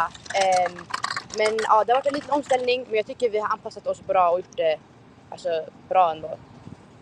Eh, eh, jag tänker, ni har haft en väldigt lång säsong eh, får man säga. Eh, och inte riktigt haft den här eh, då, vinterledigheten som, som man brukar ha. Eh, ändå kunna prestera bra. Men hur, hur, snart drar säsongen igång igen här. Hur, hur- känns kropparna nu? Alltså vi fick några typ, vi fick typ tio dagar ledigt och det gjorde ändå susen. Eh, vi kom tillbaka ehm, ändå rätt bra efter uppehållet. Ehm, såklart, det har varit en väldigt lång säsong som du säger. Vi har haft alltså, sjukt många matcher eh, det här året. Eh, men eh, det, det är det man älskar mest liksom. Så det, har varit, det har varit kul men tänkt så mycket på det på det sättet. Hur länge får vi se dig kvar i Allsvenskan? Ja du, bra fråga. Ehm, vi får se helt ärligt. Det, Allsvenskan är, det är ändå en bra liga. Ehm, jag vet inte om jag känner att jag är helt klar. Ehm, men när jag känner mig klar, då... Då, då blir det Chelsea. Då blir, ja, Ja, jag tänkte fråga, 100%. drömliga, vad har du? Oh, ehm, drömliga skulle jag nog säga... Jag skulle nog säga engelska ligan. Det känns som att det är så här, den mest jämna ligan just nu. Och lag, har du något favoritlag där? Jag skulle säga att jag någon gång skulle vilja spela i Barca. All right. Jag förstår. S- Svårt att få de två att gå ihop. Ja, men det börjar, börjar det ena och sen det andra. Ja, ja. Eller så blir det någon superliga även på damsidan. Ja, så, så, som, så eh, som dras ihop. Men du, tusen tack för att du ville vara med den här morgonen. Verkligen. Stort grattis till avancemanget och eh, måste vi ändå säga, du har imponerat stort eh, i Champions League. Mm. Galet bra. Tack snälla. Tack snälla för de fina orden och allt. Tack Rosa. Tack så Ha det mycket. bra. Hej. Ciao, ciao. Du Johan, jag vet inte om du hörde det. Vi, eh, eller jag, rasade lite grann över den bristande bevakningen runt damernas Champions League. Och eh, SVT då som sänder matcherna eh, och Champions League har ju då parollen jämställd bevakning och rapportering. Ja, det kan man ju inte. Och nu är det den största sporten i världen. Det är Champions League och jag vet inte om du såg matchen där? Jo, jag Ja, såg där. inte hela matchen men jag såg delar av den. Vad, vad tänker du kring? eh, Nej, men det var ju som eh, jag pratade med någon här innan. Det är ju ganska, ganska jönsig produktion faktiskt. Eh, eh, Det såg ut som en eh, produktion från en eh, kanske en eh, superettan-match. Mm. Så att det var ju ingen, eh, man kan tycka att har, de, har, har man köpt de där rättigheterna och, och eller fått de där rättigheterna. Då tycker jag att SVT kunde gjort mycket mer av det. Som sagt var. Då hade ju inte sett ett herrlag bli behandlat på det sättet om de spelar kvart. Eller är det åtta, vad är det, och 16 dels? Ja, grupps, sista gruppen. Ja, grupp, och, sista och, grupp. och, och mot Real Madrid. Ja. Eh, så att det är liksom inte, de möter I en helt avgörande match och dessutom har de då innan dess då spelat eh, slagit topplagen Mm. i... Det, nej, det, det var... Det känns, eh, det känns verkligen som att, att, att ta något steg tillbaka. Mm. Eh, här är ju en jättechans att visa upp hur bra svensk fotboll är. Och, och, eh, så det, ja, det, det, var, det var ett misstag. Mm. Om du nu kan säga att det var ett misstag. Ja. Ja. Det, är, det är trist, är det, ju. det är väldigt trist för de, spelare och entusiaster och damfotbollen. Så- Man hade ju velat höra henne liksom direkt efter matchen. Ja. Man hade velat höra tränare, alltså vet så här, och inte bli hänvisad till så kommer det mer på webben sen. Nej, Nej, men då nej. är man ju bort, då är man ju Ja. liksom stängt Ja. av. Då är man liksom inte kvar i SVT-världen längre. Utan då är det ju ja, Premier League som man slår över till. Och så här. Men om de hade hållit kvar oss och, Ja, så, och ja. skapat ännu mer relationer till de här spelarna och, och den spontana glädjen som ändå är. Ja, men det är därför man lyssnar på Fotbollsmorgon. Ja, då får man höra henne. Eh, är Hon du- verkar ju väldigt eh, härlig Ja. och, och liksom, rolig. Ja, och eh, hoppas inte liksom eh, eh, när hon går utomlands sen att de försöker skala bort det som är rosa. Nej. För att hon är ju väldigt spontan och glad. Och, Ja, man längtar ju verkligen till att se vad... Men de blir snart, steget tjejerna blir. mediatränare snart också. ja, det är, eh, man märker de som har gått till, eh, om man tar Magdalena Eriksson och eh, Nathalie Björns som man verkligen skulle vilja få med och vi ligger på dem. Nej, de, det är liksom nej eller klubbar säger nej eller så här. Ja. Medans herrspelare, mycket lättare att, att få med Mm. på jämförbar nivå. Okej, okej. Och det, är- det är lite spännande att det, liksom, Ja, att det är stängt ja. sådär. Samtidigt som, som då man får höra att varför gör ni inte mer på dam? Ja, för att det är svårare för få med. Det är superintressant varför det blivit, så. Mm. Och där är väl kanske nya generationen eh, eh, elitspelare på, på damsidan bättre än den liksom, lite äldre. Så. Mm. Att släpper, släpper in liksom mer så. Säg som Hans Kronak en gång sa när de gnällde över att göra media. Sim... eh, Ja, simförbundskaptenen. Simma långsammare. eh, ja, det var ju bra. Ja, bra. Eh, du eh, kör inte imorgon. Jag tror nästa gång du och jag sitter i samma studio är i början på april. Oj! Därför jag tar ett litet uppehåll nu. Det gör du? Ja. Ja, du, du kommer vara saknad. kan jag säga. Ska du berätta vad du ska göra? Robinson. Ja, jo, jag visste det. Men Ja, exakt. jag tänkte att du Nej. smög med det. Nej, nej. Utan det, är Ja, det ko- det kommer inte vara synd om dig. Nej, nej. Du missar det här är ju tråkigt. Ja, ja. Men jag lyssnar på er varje dag då. Gör du det? Ja, visst. Oj, det visste jag inte. Nu blir jag lite- lördag. Mm. Så, eh, jag har... Ja, skärp dig. Ja, ja. Katten är inte helt Nej, borta. Eh, tusen tack för att du kom förbi. Ja, det var jätteroligt. Ja, det var kul att ha dig här. Ja. Och tusen tack för att ni har tittat. Hej då! Vibar och bjuder på oss själva, du känner det också hur studion börjar själva. Du har väntat länge nog på vår skit, det har vi med. Blod, svett, tårar och slit. Det här är som en pumpad boll på en magisk matta. Vi har jobbat med de bästa, lyssna du kommer fatta. Hata om du vill och var avundsjuk. Men det klär dig jävligt dåligt och då byts du ut. Yeah! Woo! Det här är Fotbollsmorgon. God morgon, god morgon, fotbollsmorgon. God morgon, god morgon, fotbollsmorgon. Woo! David, David, David. Det här är Fjällsgäng på dopp som drar upp rullgardinen. Yeah. Vi hatar plast men vi älskar gräs. Det här är smilet på pendeln. Det här är gemensamt boende. Det här är inte Insta, not the result we wanted. Det här är terapi och lösa kanoner på däck, yes.